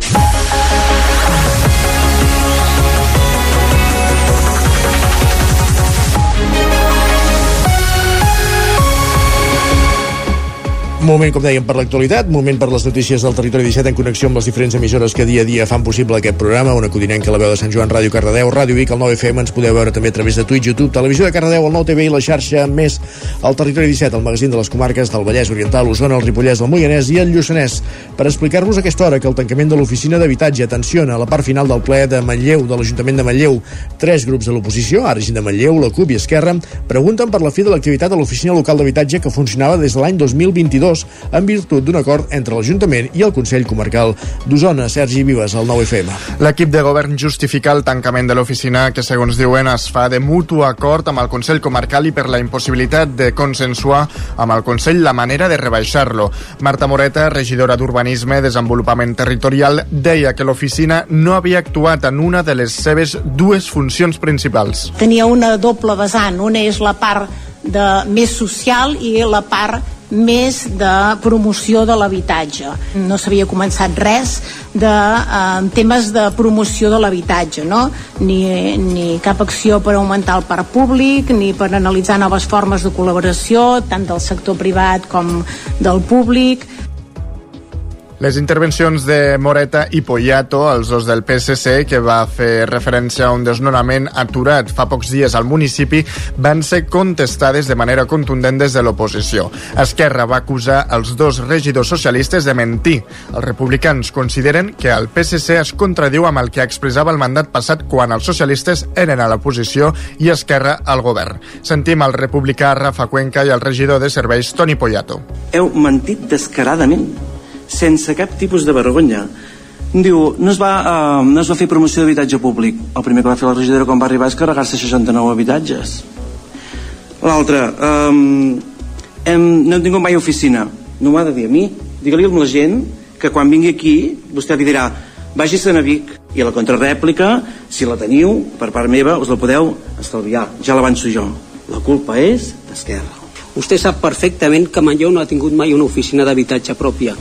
I sap quan ens costava això en diners? 110.000 euros. I diu, escolta, ja li responc jo, la culpa és d'Esquerra. Bueno, Esquerra deu tenir la seva part de culpa perquè el cap i la fi han governat dels últims 20 anys. Tot plegat amb un ple on Ferran Hortal va prendre posició com a nou eh, regidor d'Ara Gent de Manlleu. Substitueix a Jordi Rossell, que va ser el cap de llista de les eleccions del 28 de maig i que va renunciar al càrrec a finals de desembre per motius personals. Gràcies, Sergi. Més qüestions. L'Oficina d'Habitatge del Moianès ofereix assessorament per a cobrar les ajudes a llogaters que atorga la Generalitat. Mira, una utilitat. Roger Rams, zona codinenca. Exacte, un any més l'Oficina d'Habitatge, que depèn del Consell Comarcal del Moianès, ofereix assessorament per la tramitació de l'ajut per a aquelles persones que tenen un contracte de lloguer en un dels 10 municipis de la comarca. Des d'aquesta mateixa setmana i fins al proper 12 d'abril es poden presentar ja les sol·licituds a aquelles persones que viuen de lloguer i que són menors de 35 anys. Qui tindrà una mica menys de temps, però també poden demanar aquest ajut, són els majors de 65 anys. La seva data límit, doncs, és el 27 de març. Des de l'Oficina d'Habitatge d'habitatge del Consell Comarcal del Moianès, situada a Can Carner, a la capital, a Moià, es pot presentar la documentació necessària de manera presencial. El tràmit, però, també es pot fer de manera telemàtica al portal habitatge.gencat.cat.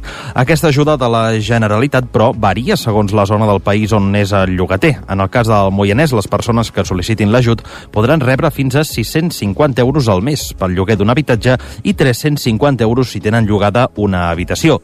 En el cas de ser una família nombrosa o tenir un membre de la família amb discapacitat reconeguda legalment, l'ajut pot pujar fins als 900 euros. En el cas del Vallès Oriental, ho dèiem, eh, aquest ajut és desigual segons les zones del país, els imports seran més elevats, ja que alguns municipis, com per exemple és el cas de Caldes de Montbui, formen part de l'anomenada zona tensionada.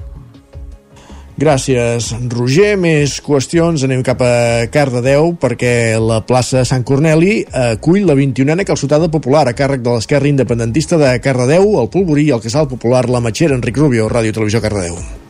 Així és, Isaac. L'acte un any més ha tornat a tenir molt bona rebuda per part de la gent, que ha esgotat tots els tiquets amb molta rapidesa. De fet, Clara Alegre, militant d'Esquerra Independentista de Cardedeu, és una de les organitzadores i així ens ho ha explicat. Hem venut tots els tíquets, que són 300 tíquets més tots els infantils. Tenim llista d'espera perquè la gent vol venir a plaça, vol ocupar espais públics, vol crear caliu i vol estar aquí compartint i vivint la cultura popular. La calçotada ha inclòs un gran ventall d'activitats. Ha començat amb un ball de cardances, ha continuat amb un concurs d'estallatroncs, en els quals els guanyadors i guanyadores s'enduien una panera plena de productes i abans de començar el dinar popular s'han dut a terme els parlaments per part de l'esquerra independentista. L'acte ha culminat amb un concert d'Allfoll. És molt important venir a participar-hi perquè et permet eh, crear xarxes, estar amb tota la gent, compartir, eh, establir aliances, teixir resistències i compartir i viure la cultura popular. En els parlaments han estat presents les plataformes de suport al Centre d'Atenció Primària de Cardedeu, que n'hem parlat ja molts cops aquí, i la plataforma Prou Sorteig, per reivindicar, en el cas de la primera, la manca de metges i metgesses en el poble, i en el cas de la segona, per la manca de les places públiques a l'Escola Bressol. Gràcies, Enric. I obrim un últim apunt cultural perquè presenten la novel·la gràfica El mestre de Ripoll, que parla d'un taller que hi havia hagut al monestir. Isaac Muntades, la veu de Sant Joan. Divendres passat, el Museu Etnogràfic de Ripoll va acollir la presentació de la novel·la gràfica El mestre de Ripoll, a càrrec de l'associació Palimpsest. Aquest llibre està basat en la tesi de l'advocat, artista i historiador de l'art Rafael Bastarda sobre l'existència d'un mestre de talla i un taller de Ripoll. Un dels membres de l'associació, Francesc Morera, explicava que la novel·la s'ambientava a cavall dels segles XI i XII, que coincideix d'alguna manera amb el final d'algun tipus d'escultura romànica. La novel·la, que explora una història verídica, també té el seu punt de ficció, com deia Morera. Ens feia falta una veu i llavors ens creem mentalment un, un taller imaginari on hi ha un aprenent que entra, que es diu Nofre en aquest cas, que també té moltes reminiscències, que Ripoll el nom de Nofre i escultura, i que aquest explica el que veu. I què és el que veu? El que veu és el que fa el mestre i el que veu és l'ofici. O sigui, veu com es para les taules, com es talla les fustes, com es talla, com es policroma, que és això el que ell va explicant, bàsicament. Bastardes era una persona que durant tota la seva vida va escriure molts llibres sobre majestats i crits romànics al Pirineu, però que més sabia del que parlava, ja que ell també n'havia fet. En un dels seus treballs va veure que hi havia una dotzena de majestats de les quals només se'n conservava informació fotogràfica perquè havien desaparegut, que tenen trets molt similars però diferents d'allò que es feia abans o després. Això vol dir que era un estil concret que es podia adjudicar en un taller que probablement era de Ripoll. Les referències són les 12 majestats, aquesta és l'una. L'altra és la seva situació geogràfica, que totes s'han trobat a les comarques que llinden amb, la, amb, el, amb el territori del Ripollès. Diguem, com si Ripoll fos un centre que irradiés a tot el seu voltant. L'altra és que no hi havia gaires monestirs amb prou poder, amb prou potència per ser capaces de, de tenir un taller que, que fabriqués per ells i, entre cometes, i exportés a les altres. Totes elles semblen sortides del mateix lloc. Si aquí hi havia, aquesta zona hi havia dos, diguem, dos monestirs potents que Ripoll i Sant Joan, Sant Joan per diferents característiques no tenia la potència ni tenia l'escriptòrium que tenia aquest, aquest d'aquí. En aquella època se sap que els grans monestirs tenien una secció per crear religiós i fora de Ripoll el més a prop que hi havia era el de Sant Pere de Rodes. El dubte resideix en saber si el taller era dins el mateix monestir o ho feia un taller associat amb un mestre laic que no era un monjo. Gràcies, Isaac. Acabem aquí aquest repàs informatiu que començàvem al punt de les 10 en companyia d'Isaac Muntades, Enric Rubio, Roger Rams i Sergi Vives. Moment al territori 17 de saludar de nou l'home del temps, en Pepa Costa.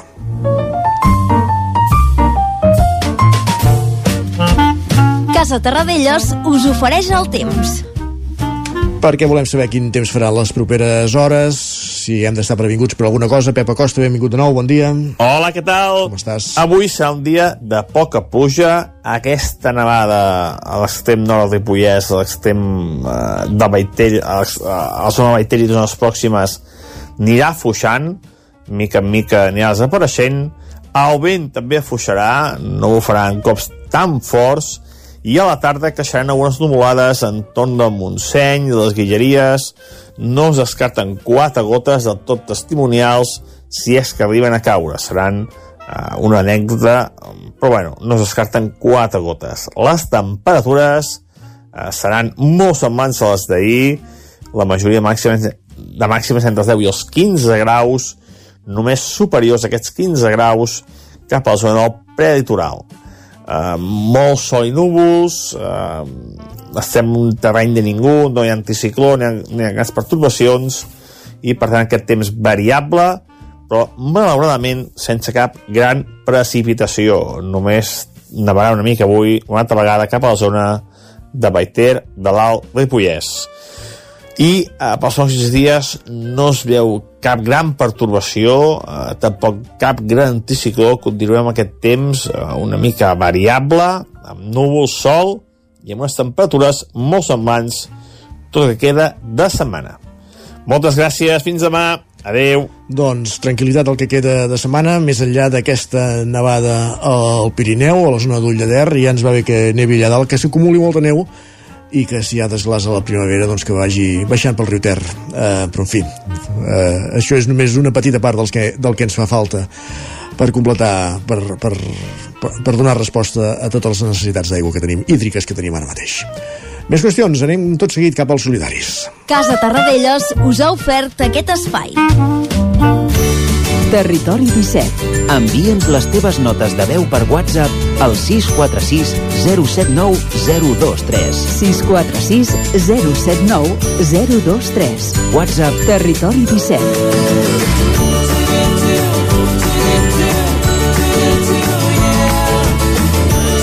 Territori 17. Som a Facebook, Twitter i Instagram amb l'usuari Territori 17.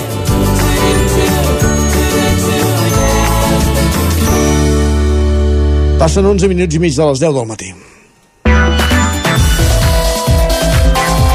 I és el moment, com fem sempre els dimecres a aquesta hora, d'anar cap a Ràdio Vic. Allà una setmana més ens hi espera la Laura Serrat amb una nova edició, amb una nova entrega dels Solidaris, aquesta secció que dediquem sempre a les entitats del tercer sector o a les polítiques municipals que es fan en pro dels que més ho necessiten. I avui ens fixem en un municipi d'Osona, que és Muntanyola.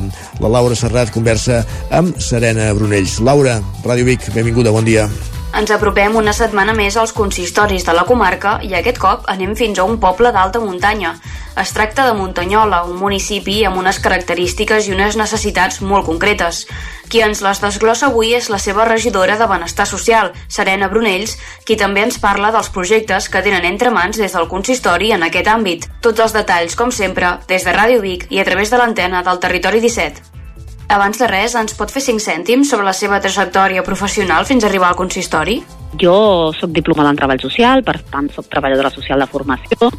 Inicialment vaig treballar molt amb l'àmbit, vaig centrar molt amb l'àmbit de la gent gran i, i amb l'àmbit residencial, però en seguida ja vaig saltar el tema de la gestió d'equips de serveis socials llavors he estat bueno, en, diferents, en diferents empreses, en diferents entitats a nivell de gestió d'equips de serveis socials i ara actualment el que estic és iniciant un projecte amb tot el tema de la pèrdua i el dol, amb tallers a primària i xerrades per AFAs i grups de pares sobre la gestió del dol i de la pèrdua amb infants. I com va ser aquest procés fins a arribar a la regidoria? Jo és la primera vegada que exerceixo de, de regidora, diguéssim, és la, la, la meva primera experiència a nivell polític, i bueno, aquí a Muntanyola d'alguna manera doncs, ja sí que en la, la legislatura anterior sí que l'alcalde ja m'havia proposat d'entrar al consistori, però també és veritat que has de, per entrar al consistori doncs, ha, ha d'haver-hi una implicació personal, has de tenir un temps per dedicar-li, i jo tenia en aquell moment, doncs, la, la, estava molt centrada en la criança en aquell moment, els meus fills ara ja són més grans i llavors ja també em permeten doncs, poder dedicar-hi més temps no? i dedicar-hi també més esforços en, aquest, en, aquest, en aquesta tasca. Per tant, des d'aquest càrrec recent encetat, quines han estat les primeres accions que ha pres en el sector social? Mira, inicialment, el que, com, com ja he dit d'alguna manera que no, no havia estat mai al consistori, diguéssim, doncs el primer que, la, les primeres accions que vaig fer sobretot era coneixement de la situació que hi havia aquí a Muntanyola a nivell social. Per fer aquest coneixement, doncs, entrevista sobretot a nivell amb les tècniques que duen a terme tots els serveis socials, que són l'educadora social, la treballadora social i la treballadora social més de gent gran i que porta més la part de dependència. S'ha de dir que l'Ajuntament de, bueno, que Muntanyola forma part de la Mancomunitat La Plana i que llavors, conjuntament amb ells, és amb els que prestem els serveis de, de serveis socials aquí a l'Ajuntament. Vale? Vull dir que en aquest sentit té una mica més coneixement de tota la situació social, també una mica coneixement de com havia estat la memòria de l'any anterior, també quina evolució hi havia hagut a nivell social des de la pandèmia, ens interessava saber com a consistori doncs, si, ens, si realment hi havia hagut una situació important a nivell de pandèmia que encara ja, que ja ens haguéssim recuperat o encara estiguéssim encallats en alguns temes. No? A partir d'aquí sí que creiem que si tenim el coneixement tècnic, doncs les decisions polítiques són més encertades en aquest sentit. Quines creu que són, doncs, les necessitats socials més urgents de la seva comunitat? Muntanyola, mira, som un municipi de 730 habitants, estem considerats un municipi d'alta muntanya, vol dir que la nostra alçada normalment és entre 700 metres i 1.000 metres, i nosaltres no tenim nucli urbà. Estem formats sobretot per cases disseminades. Ho dic perquè això ja forma una mica, ja és una casuística diferent de molts altres pobles que hi pugui haver-hi la comarca d'Osona, i que realment és una casuística que marca molt el tarannà del poble. És a dir, nosaltres tenim pues, sí, el bar Muntanyola, no? la braseria Muntanyola, tenim l'escola, l'escola de primària, de- la llar d'infants, tenim una pista poliesportiva, una piscina, però com a nucli urbà, diguéssim, de poder fer vida de poble, nosaltres això no ho tenim. Per tant, és veritat que hi ha una dificultat de coneixement entre muntanyolencs i muntanyolenques. I això, bàsicament, només és perquè ens fem una idea del poble que, que continuarem parlant, no?, d'alguna manera, perquè és diferent, segurament, d'altres pobles que hi hagin aquí a la comarca.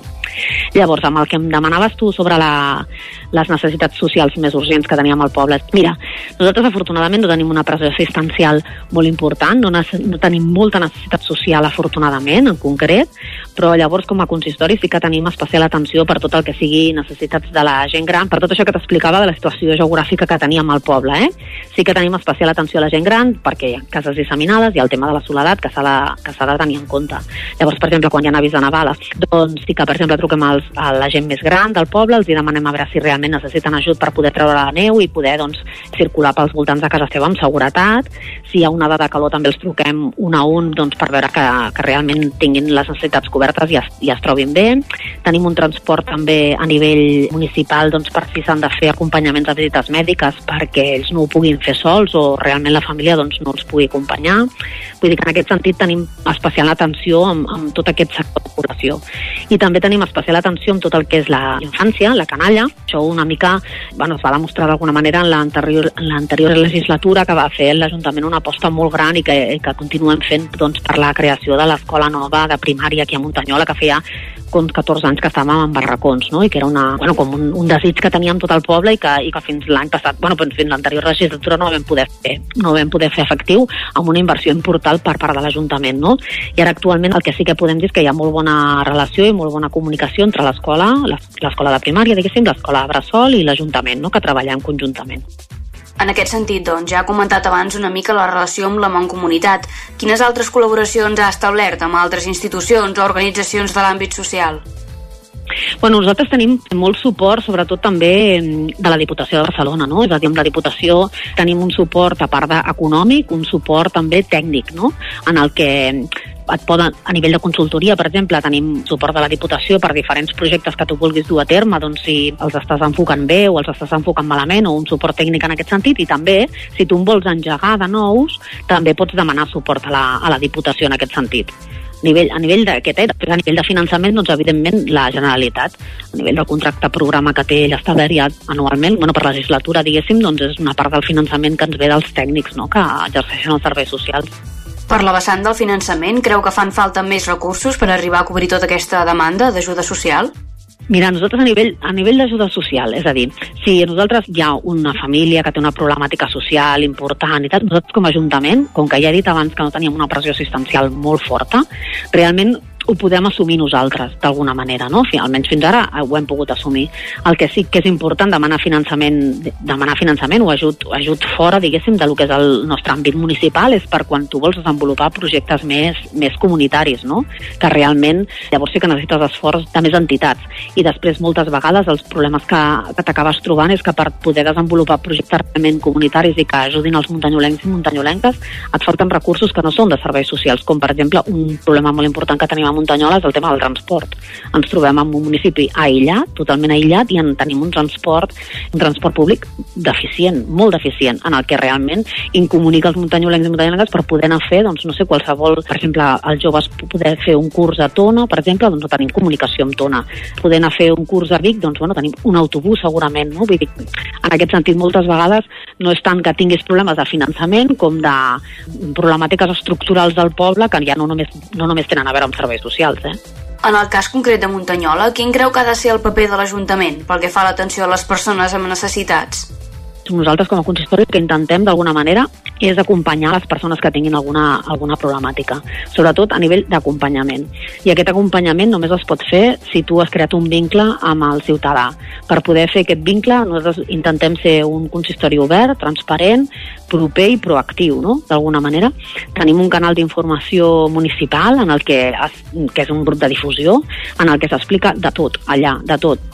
Justament apel·lant a la transparència, eh? des de hi haurà una nevada i aquella carretera està oberta, des de la cavalcada dels risques a les 7 de la tarda, des de s'han fet unes obres, estan fent unes obres en aquí per aquest, en aquest sentit, amb, amb aquest finançament, vull dir que en aquest sentit volem intentar ser molt, molt, molt, molt transparents i molt propers, no? El que nosaltres entenem és que si hi ha un, un ciutadà a la Muntanyola que té un problema i pica l'Ajuntament, nosaltres hem de poder respondre d'alguna manera, no? I aquest és una mica el nostre, el nostre objectiu. Si mirem cap al futur, quins projectes li agradaria veure complerts un cop acabi aquest mandat? Mira, nosaltres en aquest mandat hi havia alguns projectes que ja estaven engegats i després n'hi ha dos, dues accions que hem iniciat ara a l'inici del, del mandat. Una acció seria, hem incorporat la figura de l'educador social. L'educadora social, normalment, habitualment, igual que la treballadora social, la situaven, diguéssim, feien les seves, l'atenció al ciutadà la feien des de l'Ajuntament. L'educador social, des de que vam entrar a la legislatura, l'hem situat a l'escola.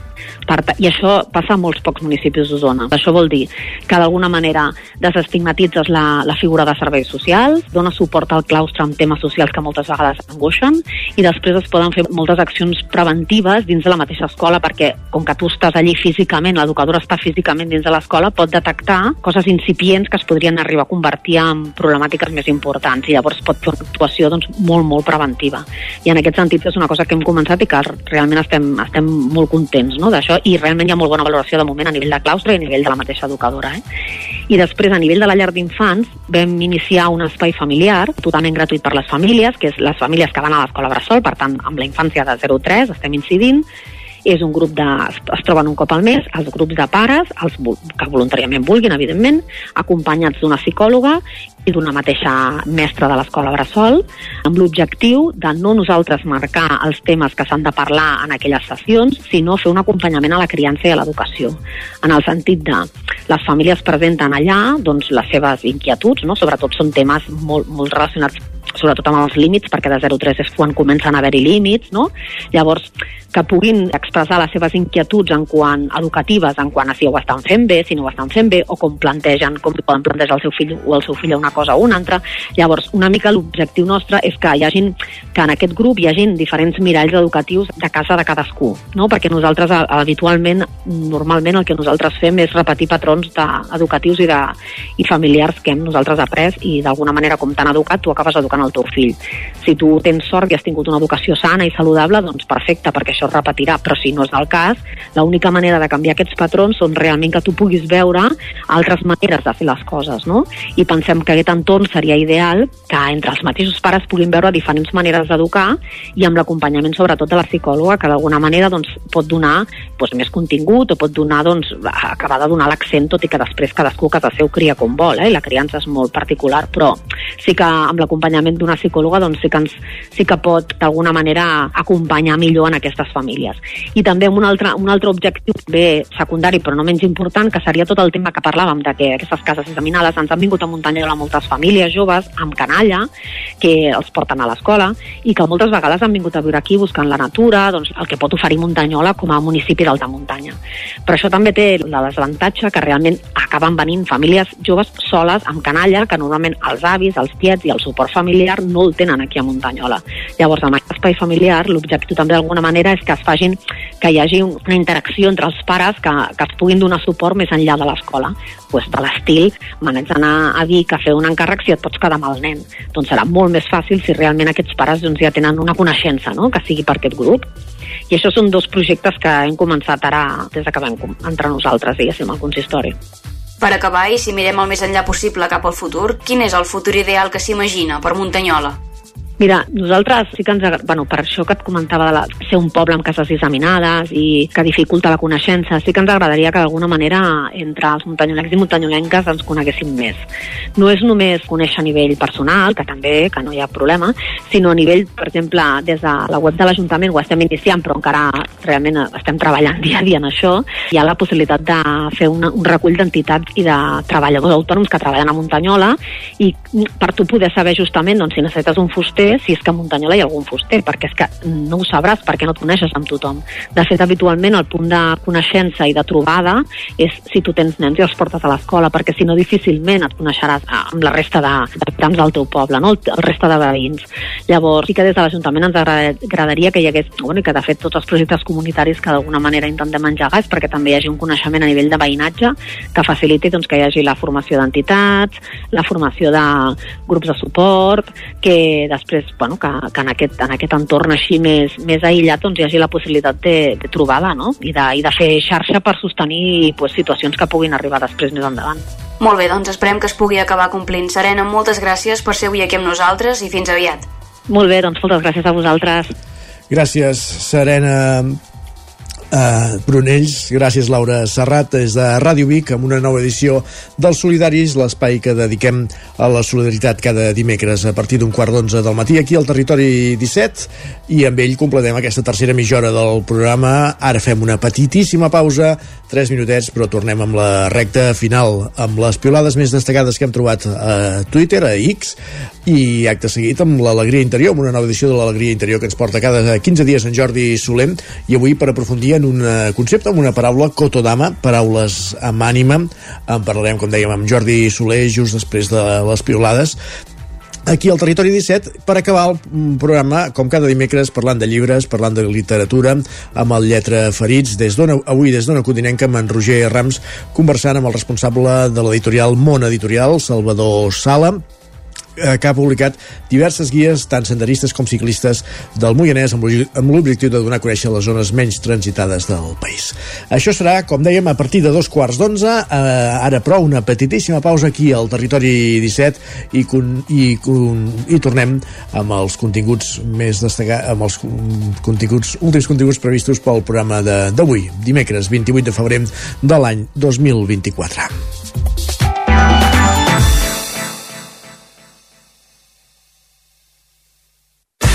El nou FM, la ràdio de casa, al 92.8. La qualitat de les teves impressions és important per tu? Estàs cansat que els colors i les imatges no surtin com t'esperes?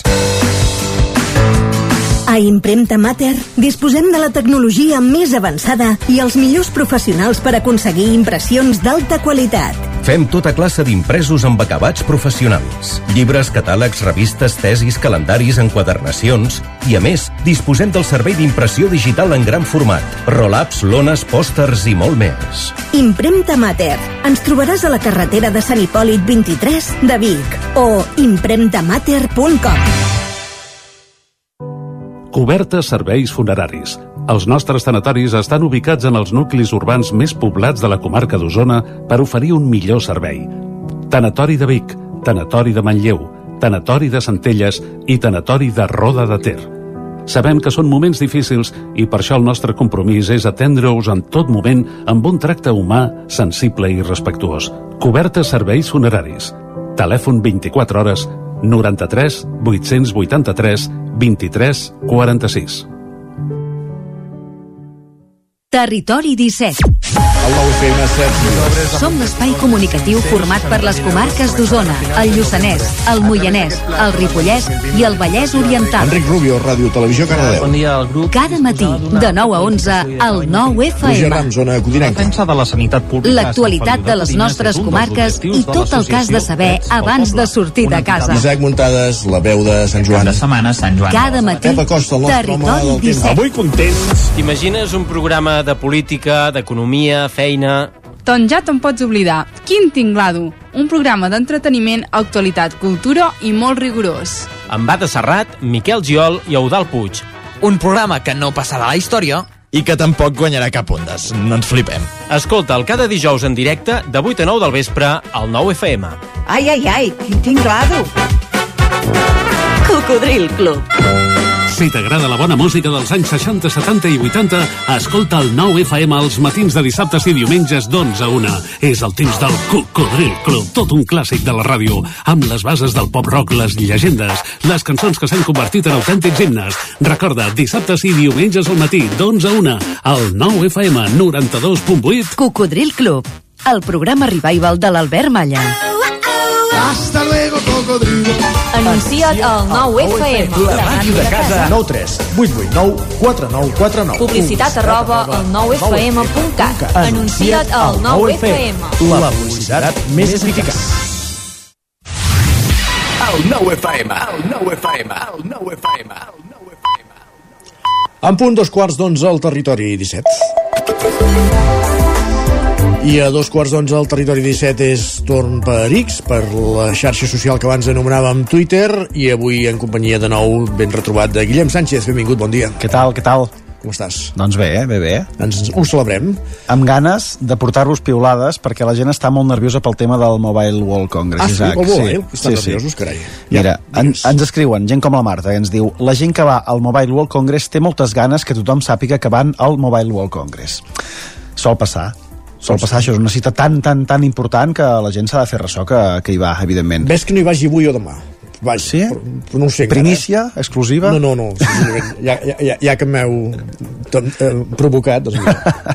li respon la Susana i li diu com els nens quan els donen una medalla de participació i no se la volen treure per res. Igual, igual. És que anar amb aquells penjolls d'acreditacions i coses així, no sé, ha de, ha de servir per fardar una mica. Exacte. I si això que ens diu en Marc passa, ja podem plegar. Què diu en Marc? Diu, un congrés mundial de mòbils i tecnologia on hi va gent que el Face ID no els detecta perquè només s'enfoquen la papada. Endavant. Ah, molt bé.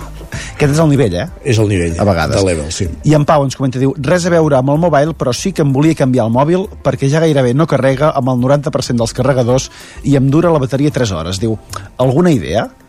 Home, doncs sí, comprar-se un mòbil nou perquè si ja no li carregui, no li dura la bateria. Sí. Ta- Tampoc ens diu de quin any és el mòbil, No, no. ni de quin model ni quina marca. Per tant, potser s'ha de fer una renovació, no? Jo sempre reivindico en Remolins, en aquest cas, que va amb un Nokia dels Dantes. I que li deu servir per trucar igualment de bé com es feia fa 10, 15 o, o 20 Per, anys. per altra cosa, no, però per trucar sí. I tant. Va, en aquest sentit, la Montse ens fa una bona aportació. Diu, un munt d'enginyers, especialistes i tècnics preocupats per aconseguir fer que les bateries durin més quan tothom sap que, si no tens parella, pots allargar la del teu, no, la del teu mòbil fins a 3 dies. Carai. No sé si hi ha una mitjana establerta, eh? Gent No. que tingui parella i que ens vulgui eh, dir, mira, a mi la bateria em dura mm, mitja hora, em dura mig dia, em dura 24 hores. Però què vols dir, que no pots, estar, no pots viure sense estar connectat amb la parella? Jo entenc que deu anar per aquí, perquè és tanta la, la, la passió que hi ha d'haver que no pots parar d'enviar-te missatges Déu, i de compartir-te coses. I llavors quan arribes a l'Esper Casa què li expliques? No ho sé. Ja li has explicat tot. Potser no li diu res. I per això llavors hi ha divorcis també. Va, i escolteu que bucòlic tot plegat. Diu, el mòbil em recorda que avui fa 6 anys portava el meu fill a la llar d'infants enmig d'una meravellosa nevada. Diu, vivíem a Pamplona. Ah, enyorada nevada. No sé si és més fàcil que passi allà, perquè aquí em sembla que no, que Sí, no més està pas previst. està més eh? a prop de l'Atlàntic, si han d'arribar... No gaire, eh? però una mica més a prop sí. I tant que sí. Va, i canviem de tema, perquè en Nil té un problema important. Nil, va, Ens diu, he fet 789 litres de crema de verdura. Aniria a dormir a la tassa del vàter. 789 litres de crema. Jo entenc que refereix que n'ha fet molts i que ens pot enviar també aquí al territori 17 perquè puguem provar aquesta crema, cosa que de moment encara no ha passat. Això vol dir que ha gastat molta aigua, eh? Ha gastat molta aigua i ha gastat Ha molta, sequera, eh? molta verdura també. Exacte. I de problemes, solucions, com li responen en el següent missatge. I li diuen, a veure, també pots congelar 788 litres i prendre-te'n només un. Aquesta seria També, la solució més fàcil, opció, segurament. Si tens nevera i congelador, clar. Tant, I tu, Isaac, no sé què respondries a aquesta pregunta. Iam. Diu, el fill em pregunta si els Estopa, Mhm. atenció, eren els tiets de quan jo era jove. Tu què li respondries? Llavors et diré el que li ha dit ell, eh? Uh, en fi, en, certa manera, per algun públic, sí. Va, què, Val, què ha dit ell? Ell li ha dit, diu, li ha hagut de dir que sí. Doncs ja està. Doncs ja està. Va, i vinga, que el temps no, passa... No, va, no va desencaminat. No, el que sí que es demostra és que el temps passa per tothom. Escolteu també què ens escriu l'Ester, que diu un dia ets jove i l'altre et fa feliç comprar-te una cassola de ferro colat. Diuen que a l'edat mitjana els castellans s'encomanaven a la creu i els catalans a l'espasa. Per això en català, en castellà es toca madera i en català es toca ferro per demanar sort. Tocaré ferro fent el dinar. Doncs va, no cremis. I aquesta també em fa gràcia, la veritat. Ens diuen, ahir hi havia una nota a l'Office que deia res així com que el lladre deixi estar els meus cacauets. I ara he caigut que a la feina només hi ha dues persones que parlem català. Ah, doncs mira. doncs mira, possiblement possiblement ja sapiguem qui és el culpable. Va, i per acabar en aquesta època de O, l'any... o, o, o no, clar. Sabem qui ha, qui ha fet la nota, un dels dos que escriuen en català. Però potser si, si es pensés d'alguna persona que... Mm, no sé. Tothom, tothom ha d'entendre el català a la feina. Va, doncs t'ho deixo així. Va, en aquesta època de l'any, per acabar, això que ens escriuen, ens pot Ara, passar... clar, si el que escriu el tuit s'ha menjat els cacauets de l'altre, potser sí que es pot, es No pot, ens ho sentir, confessa, eh? es pot sentir interpel·lat. No ens ho confessa. El que sí que ens agrada en aquesta època de l'any és això. Diu, m'he viciat els bunyols de vent, quin ve de Déu. Si algú ens en vol fer arribar també... Benvinguts seran. Època de quaresma o les sense? coses. De les, de les dues maneres són bons. Entesos. Que ens en portin dels dos. Gràcies, Guillem. Va, que vagi bé, Demà. Isaac.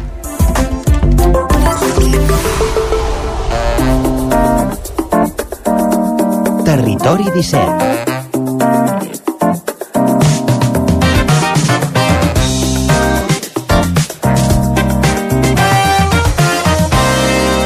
5 minuts i mig que passen de dos quarts d'onze. Cotodama avui a l'Alegria Interior.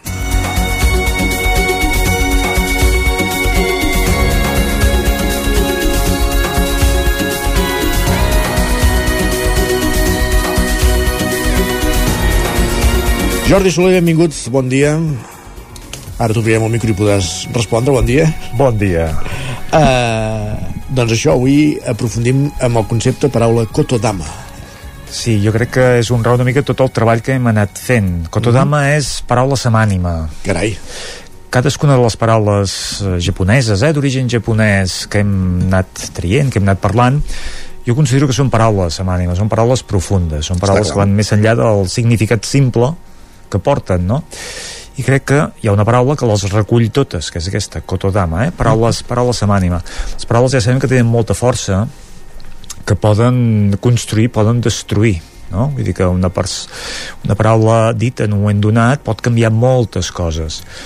Per tant, hem de tenir cura amb el llenguatge. De fet, la programació neurolingüística se centra eh, en la forma com ens comuniquem. Eh, el metamodel de, de la PNL eh, ens fa veure que tot el que necessitem saber us, ho tenim dins nostre i que a través de l'expressió, a través de les paraules ho podem descobrir, eh? ho podem fer aflorar, ho podem fer sortir a la superfície.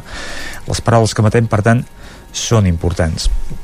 Doncs les paraules que hem anat comentant eh, durant aquesta temporada i part de la temporada passada són paraules amb ànima. Eh? Si fem un repàs, eh, un repàs així per sobre, la, fa 15 dies parlàvem de l'Amaoto, vull dir, clar, una cosa tan senzilla com el soroll de l'aigua, però què ens porta el soroll de l'aigua? Ens porta l'ara i aquí, no? És aprendre consciència, és aquest moment de d'estar presents, connectat amb el que ens envolta, sigui el cant dels ocells, sigui el soroll de l'aigua, sigui eh, el, el, bueno, el soroll de la gent en un mercat, no? Vull dir, tot això ens connecta amb auto ens ho recorda eh? ens diu, ep, estigues aquí el boqueto, a vegades aquesta pausa mitja tarda, no? aquest deixar-se portar una mica per, bueno mm, per lo que presenciem sense anar a buscar res més el mandrós, no? vull dir aquella hora de la tarda, tranquil·la, sentat sense cap pretensió a vegades ens va bé per contrarrestar l'estrès i el frenesí del nostre dia a dia, no? El Mhm. shoganai. No lluitem contra una cosa que no té sentit, vull dir que simplement dediquem les nostres energies eh, a algú que sigui útil, eh? No cal donar cops de cap a, a la paret, shoganai, eh? No, no hi ha res a fer, doncs no tirem endavant. Una paraula que m'agrada molt, tegewa. Tegewa. Fes-ho simple, eh? les coses eh, tendim una mica a afegir-hi coses innecessàries, pes innecessari Supèrflues, sí, sí. I això ens eh, genera càrrega, tegewa, siguem simples, no? Seihaku, trobar aquesta bombolla a dintre del caos, saber, doncs, eh, establir una pausa, és important, perquè vivim molt amb, amb estrès, vivim molt amb un ritme potser un pèl massa accelerat, saber trobar aquest espai és important per la nostra salut, no? per trobar aquest equilibri. Com aquestes moltes més. Doncs el, el fet de les paraules, la seva importància, ens ho recordava també el Miquel Ruiz en els quatre cors, vull dir, referències a, a la importància que, que, que tenen certes coses que diem, el Miquel Ruiz deia els quatre cors, eh, fent un repàs ràpid, eh, no t'agafis res personalment, perquè és una lluita innecessària, res sol ser personal, és dir, si alguna cosa t'ofèn és més una cosa de l'altra part que no pas teva, Mhm. no facis pressuposicions, perquè estàs això generant energia innecessària, una cosa que no, potser ni ha passat ni, ni és tal com tu la, la veus. Això sí, treu un millor de tu, fes les coses tan bé com puguis, eh? això t'ajudarà. I una última i la més important, sigues impecable en les teves paraules. Mm. No? Vull dir que jo crec que aquesta és la que, que hem de centrar-nos avui, siguem impecables amb el nostre llenguatge, siguem impecables amb les paraules que triem, que diem, perquè d'alguna manera això condicionarà també el, el nostre benestar, eh? la, la nostra felicitat. Ser impecable amb les paraules t'ajuda una mica a crear l'entorn que, que tu desitges, eh? a rebre, dir, el que sembrem és el que recollim. Doncs hi ha un treball també en programació neurolingüística que és molt interessant, que és l'apadrinament. L'apadrinament eh, d'alguna forma és un exercici eh, que es fa. Si, si hi ha l'oportunitat amb una colla de gent doncs eh, es tria un, un, un dels membres que és l'apadrinat. La resta són padrins. I es tracta de, al seu voltant això ara fa temps que no ho havia fet però ho recordo i, i realment la sensació que et produeix eh, l'efecte és, eh, és, és, és molt positiu doncs l'apadrinat una mica es posa al mig amb els ulls tancats i els padrins eh, al seu voltant li van emetent paraules una mica eh, bueno, del que senten no? El, ets valuós per mi no? D'aquest caire doncs aquesta persona al rebre aquestes paraules per part de gent coneguda amb una veu coneguda eh, transforma quelcom dins seu no? Vull dir, se- sembla un exercici simple no? allò de ets valuós eh, el, el que dius, el que fas doncs és important per mi no? La, el teu treball doncs eh, té presència el fet d'un reguitzell de mots adequats, amb el to adequat al voltant d'una persona quan està doncs, amb els ulls tancats d'alguna forma bueno, genera canvis no? per tant, un treball de padrinament basat en paraules pot transformar l'estat d'ànim d'una persona jo sé que amb aquests exercicis sortíem, sortíem diferents eh? vull dir que es pot fer de moltes maneres però a través de la paraula és una forma, diguéssim apta i bona uh -huh. doncs el, el fet de les paraules japoneses ha set sí. el mitjà, la manera, no? aquestes paraules amb ànima, de crear aquests encoratges, de crear una mica aquestes petites pauses en, en, la, la, la nostra rutina diària per canviar, per transformar, no? per, bueno, per veure les coses diferents. I la sabidoria japonesa a mi m'ha m'ha obert molt els ulls, no? m'ha fet veure que més enllà del que, del que fem, del que veiem, de la nostra forma de, de fer, hi ha una altra cultura llunyana. De fet, al Japó estem potser a la, la part oposada. Està I clar, el viatge sí, sí. és molt llunyà. Però la seva cultura la veiem i la rebem de moltes maneres, no?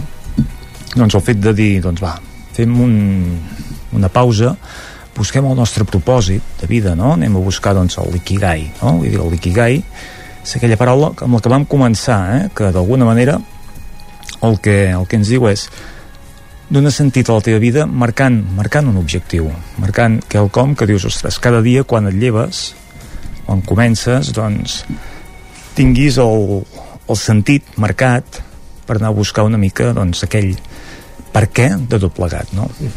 Doncs avui aquest epíleg amb les paraules amb ànima, el kotodama, així és la definició japonesa de moltes d'aquestes paraules que hem anat definint al llarg d'aquest les darreres setmanes aquí a, a l'alegria interior. En, farem, en tindrem més d'aquestes paraules amb ànima, Jordi, a partir d'ara? O... En seguirem, En seguirem bueno, jo, jo per mi crec que és el fil conductor de, bueno, de molts aspectes de la PNL, eh? Vull dir, la PNL es centra en, en la forma com parlem, eh? El John Grinder o el Richard Bandler ens van dir que, bueno, que, passe, que poséssim atenció, eh? poséssim atenció amb la forma com ens comunicàvem, amb la forma com ens expressàvem, aquestes paraules acompanyades de, de la intenció, no? jo quan dic un ho sento, no? Vull dir, dic molt més que un ho sento, eh? estic acompanyant una expressió, estic acompanyant un sentiment. Llavors aquesta paraula d'alguna manera també té una força, també té un, un sentit, no? Vull dir que aquesta paraula amb un to, amb una expressió eh, corporal està arribant d'una forma o està arribant d'una altra.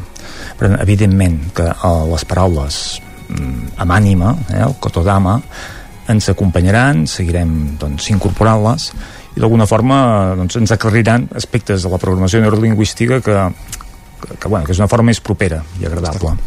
Jordi Soler, moltíssimes gràcies una setmana més. A vosaltres. Ens retrobem d'aquí 15 dies. Adéu. I avancem nosaltres al territori 17, després de, paraula, de les paraules amb ànima, de conceptes que ens arriben des del Japó, és moment del Lletra Ferits, de parlar de llibres aquí al territori 17. Territori 17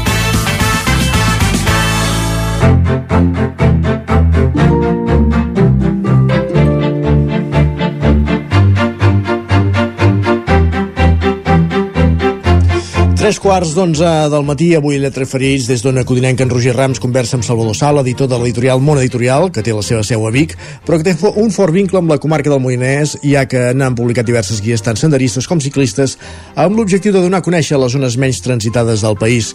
On acudinem que Roger Rams, benvingut de nou. Avui als micròfons d'Ona Codinenca ens acompanya en Salvador Sala, ell és editor de l'editorial Món Editorial. Salvador, què tal? Benvingut. Hola, bon dia. Uh, què tal? Com estem? Doncs avui volem conèixer una mica Món Editorial, una editorial petita que està en creixement i de la qual doncs, tot seguit en sabrem més detalls perquè eh, es dediquen, entre d'altres, a fer alguns eh, mapes de la nostra zona. Primer de tot, Salvador, explica'ns una mica eh, què és el que hi feu a la vostra editorial i què és Món Editorial. Món Editorial és una, una editorial de, de guies i mapes excursionistes, molt enfocat doncs, a, en l'àmbit local. Nosaltres doncs, eh, cartografiem i donem visibilitat diguem, a, a, a indrets on, on doncs, no són eh, del tot coneguts, doncs, per això, no? per donar-los presència i per fer conèixer doncs, a, a, en, el, en, en un ventall de públic el màxim possible doncs, del món excursionista. Treballeu en diverses zones de, de tot el país, ara ens deies, eh? L'objectiu és eh, donar a conèixer aquelles zones potser més rurals, més eh, poc eh, freqüentades?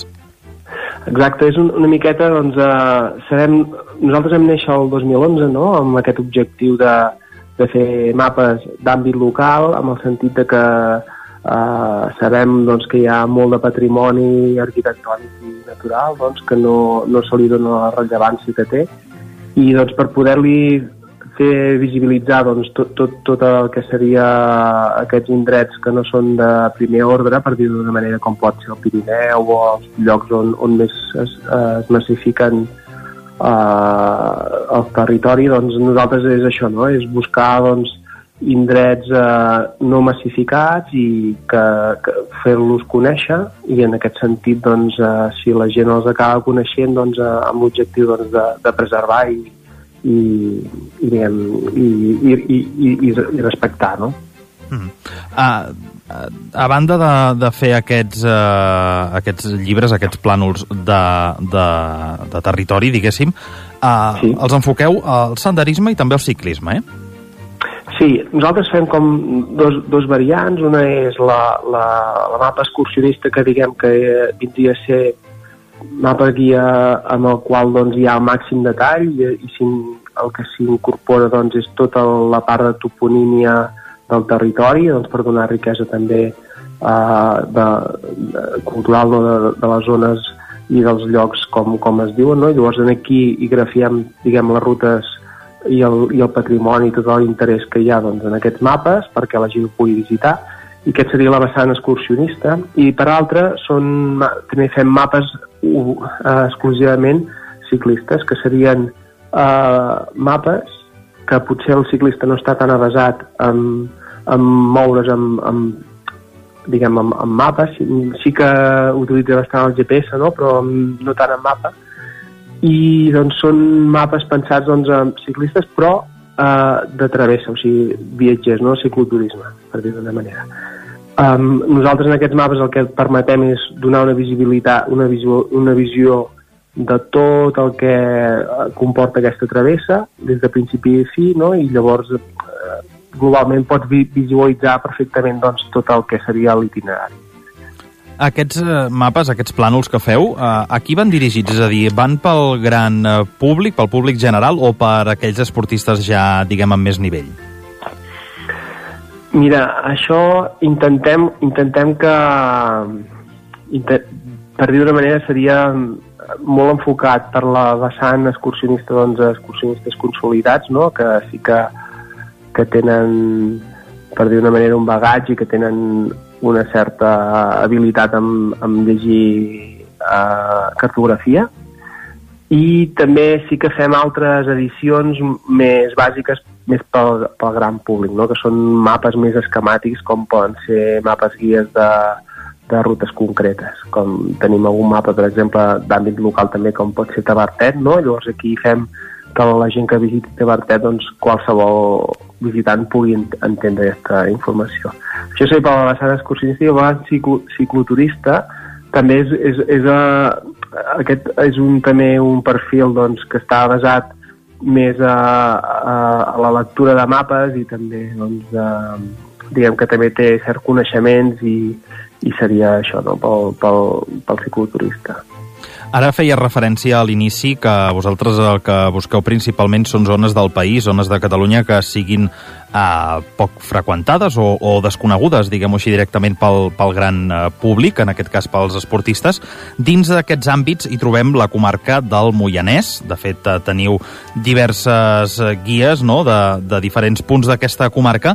Explica'ns una mica eh, què és, eh, quina oferta hi ha basada en aquesta comarca, en el Moianès. Del Moianès tenim, primer de tot va ser el primer mapa comarcal topogràfic que es va treure, va ser quan va, va ser comarca.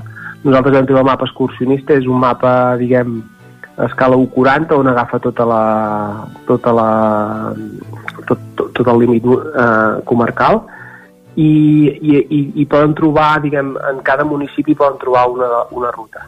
Um, pensat no, doncs, també hi ha diversitat, o sigui, n'hi ha que són a peu i n'hi ha que són en bicicleta. Mm. Vale? Llavors, aquí bueno, hi ha la visió global de tot el que seria la comarca. Llavors també tenim, eh, estem, hem fet també uh, un mapa ja a més detall, diguem, d'una de, de les zones, que és el Serrats d'Olor i el Pla de l'Estany, en el qual doncs, aquí ja hi ha més detall, ja hi ha més riquesa toponímica, i també hi ha més, més rutes. No? Llavors aquest és l'última edició, l'hem publicat ara recentment, que és el Serrat d'Olor i, i el pla del, i l'altiplà de l'Estany i bueno, eh, diguem que, que seria la nostra última novetat. Hmm. Dins d'aquesta gamma també hi trobem la travessa en bicicleta per l'altiplà del Moianès i per la vall sud de la Gavarresa. Explica'ns una mica sobre aquest volum. Sí, aquest és, és un itinerari que, que el que fa és, diguem, fa tota la ronda de, del Moianès, eh, ressegueix perimetralment la comarca i és una ruta d'aquestes que del primer del projecte que, que vam iniciar de rutes en bicicleta, que es diu Gran Ruta al Moianès, i el que fa és com eh, és una ruta d'uns 100 quilòmetres que es pot fer en dos, tres dies, hi ha gent que també l'ha fet en un dia, però però bé, bueno, és, és, és, són camins, diguem, que es passen per camins rurals i, i pistes, eh, pensat en el que comentava anteriorment, eh? seria com, són rutes cicloturistes que es puguin fer, doncs, eh, que siguin ciclables i que, diguem, tinguis una vessant eh, d'una perspectiva del territori no, eh, àmplia vale? en la qual cosa doncs, tu sempre vas per camins eh, principals, no transitats, però per camins principals eh, que connecten de poble a poble. Uh. El fet de que ara ens comentaves que quan es va con, con, consolidar, diguéssim, la, la comarca del Moianès, quan es va crear, l'any 2015, vau treure la, la primera guia. Uh, això em fa pensar que tens uh, algun vincle amb el Moianès, Salva. Això mateix, jo sóc del Moianès, per tant, uh, i, i, i de Santa Maria d'Oló. Vale? Llavors, d'aquí um, també ve arran no, aquesta última edició que hem fet, que, que vam publicar ara, ara al novembre, bueno, fa uns dies, i també, bueno, és, és, és pròpiament, no, soc d'aquí. I, i, i, però, bueno, que, pensar també una cosa, eh, que nosaltres els, els projectes que fem, o mapes, guies que fem, eh, són costosos en temps d'elaborar. O sigui, per exemple, per dir-te una idea, el mapa aquest que hem tret últim, portem més o menys entre 3 i 4 anys treballant-hi, que no vol dir que cada dia, però que sí que, que el que fem és, és fem un primer esborrany, llavors amb la gent pròpia del territori el treballem per, per enriquir diguem, tot això que comentàvem anteriorment de la toponímia, de les fonts, de, del patrimoni arquitectònic que hi hagi, de, dels camins, no? i clar, tot això porta un procés llarg en el qual doncs, ho, ho visualitza molta gent no? perquè hi pugui haver el màxim d'ulls, per dir d'una manera, de que no ens deixem res. No? Llavors, clar, és un procés llarg no? que s'inicia amb un primer esborrany, mm, llavors ho doncs, a diferents persones que es coneixen molt bé el territori, ells doncs, fan la revisió, nosaltres tornem a modificar totes, totes aquestes dades que, que se'ns han indicat, retornem un altre cop aquest, aquestes rectificacions a, a les fonts locals. I també doncs, si hi ha una correc alguna correcció més o si hi ha d'afegir alguna informació més es torna diguem, a corregir o a modificar i fins al final no, que ha, que, ha, que, que, que s'edita i, es, i, i, i, i s'imprimeix. Vale? I això més o menys no, no sempre és així, però pràcticament bueno, d'altres publicacions que hem fet depèn de la intensitat i també de, de, de, del, del vincle que hi pot haver diguem, amb, amb, la, amb, amb les fonts, no? però normalment sempre són uns tres anyers una cosa així, és fer un projecte d'aquestes característiques. Déu nhi també el que, el que veig és que això té una vessant força social perquè, eh, diguéssim, implica a gent de, del propi territori que, del qual s'està sí. treballant per fer-lo, però també clar, dona a conèixer, no?, eh, dins eh, d'aquests indrets més desconeguts, dona a conèixer també, a banda de rutes i de mapes, doncs això, punts d'interès i, i al final patrimoni, no? Sí, sí exacte, no? És, és, és, és el nostre objectiu aquest, eh? I, I al final el que estem fent, en certa manera, és una fotografia a dia d'avui de com està el territori, uh, indicant no, els camins que hi ha a dia d'avui, indicant el patrimoni que hem pogut recollir fent com un catàleg de tot el que, del que existeix. Um, i, i, i res, és, un, és un, una foto del, de, a dia d'avui del territori que d'aquí a 10 anys serà diferent. I, i el que sí que esperem no, doncs, que aquesta toponímia que, que de vegades doncs, és, és més oral, no? que, que, que coneix cada cop menys perquè molta gent ja està menys vinculada al territori però que cada cop menys no? i que, que es coneix els indrets amb el seu nom doncs, de poder-ho um, diguem, plasmar o diguem, de poder-ho grafiar no? en un plano perquè així no es pugui mantenir amb el temps. Uh -huh. eh, ja per acabar, Salvador, no sé on podem eh, trobar aquestes guies que feu des de Món Editorial. Mira, ens pod... primer de tot bueno, tenim a uh, compte les xarxes socials, tant de, de Twitter com d'Instagram, que és tal qual Monte Editorial, allà ens, ens podeu seguir. Llavors, uh, allà anem, anem publicant les novetats i, i, que, i, i, i anècdotes que, que podeu trobar de, de, de, de les rutes que estem proposant o dels mapes. I llavors nosaltres venem eh, ens podeu adquirir els productes a través de la nostra web i a botigues especialitzades, diguem que serien eh, llibreries de muntanya, com que n'hi ha poques, que pot ser Altair eh, o Muntanya Llibres d'aquí Vic, i també eh, a, la, a les botigues locals. Per exemple, molts dels mapes que nosaltres estem fent doncs que, que estan que s'ubiquen doncs, en, en, en el poble concret que d'això allà al quiosc o al bar o així acostumen a, a tenir-ne. Mm -hmm. Doncs eh, Salvador Sala, editor, editor de Món Editorial, moltes gràcies per passar avui pels micròfons d'Ona Codinenca i també doncs, per explicar-nos aquesta tasca que hi ha darrere d'aquestes guies i mapes que feu. També, en concret, n'hem parlat de les de la comarca del Moianès. Que vagi molt bé i moltes gràcies. Moltes gràcies a vosaltres. Gràcies a tu també, Roger, un dia més per acompanyar-nos al Territori 17 amb el Lletra Ferits, un Territori 17 que ara acaba. Us hem acompanyat des de les 9, Isaac Muntades, Enric Rubio, Roger Rams, Pep Acosta, Laura Serrat, Jordi Soler, Guillem Sánchez, Sergi Vives i Isaac Moreno. I tornem demà a partir de les 9. Bon dimarts i gràcies per ser-hi. Territori 17, un magazín del nou FM, Ona Codinenca, Ràdio Cardedeu, Ràdio Vic i La Veu de Sant Joan, amb el suport de la xarxa.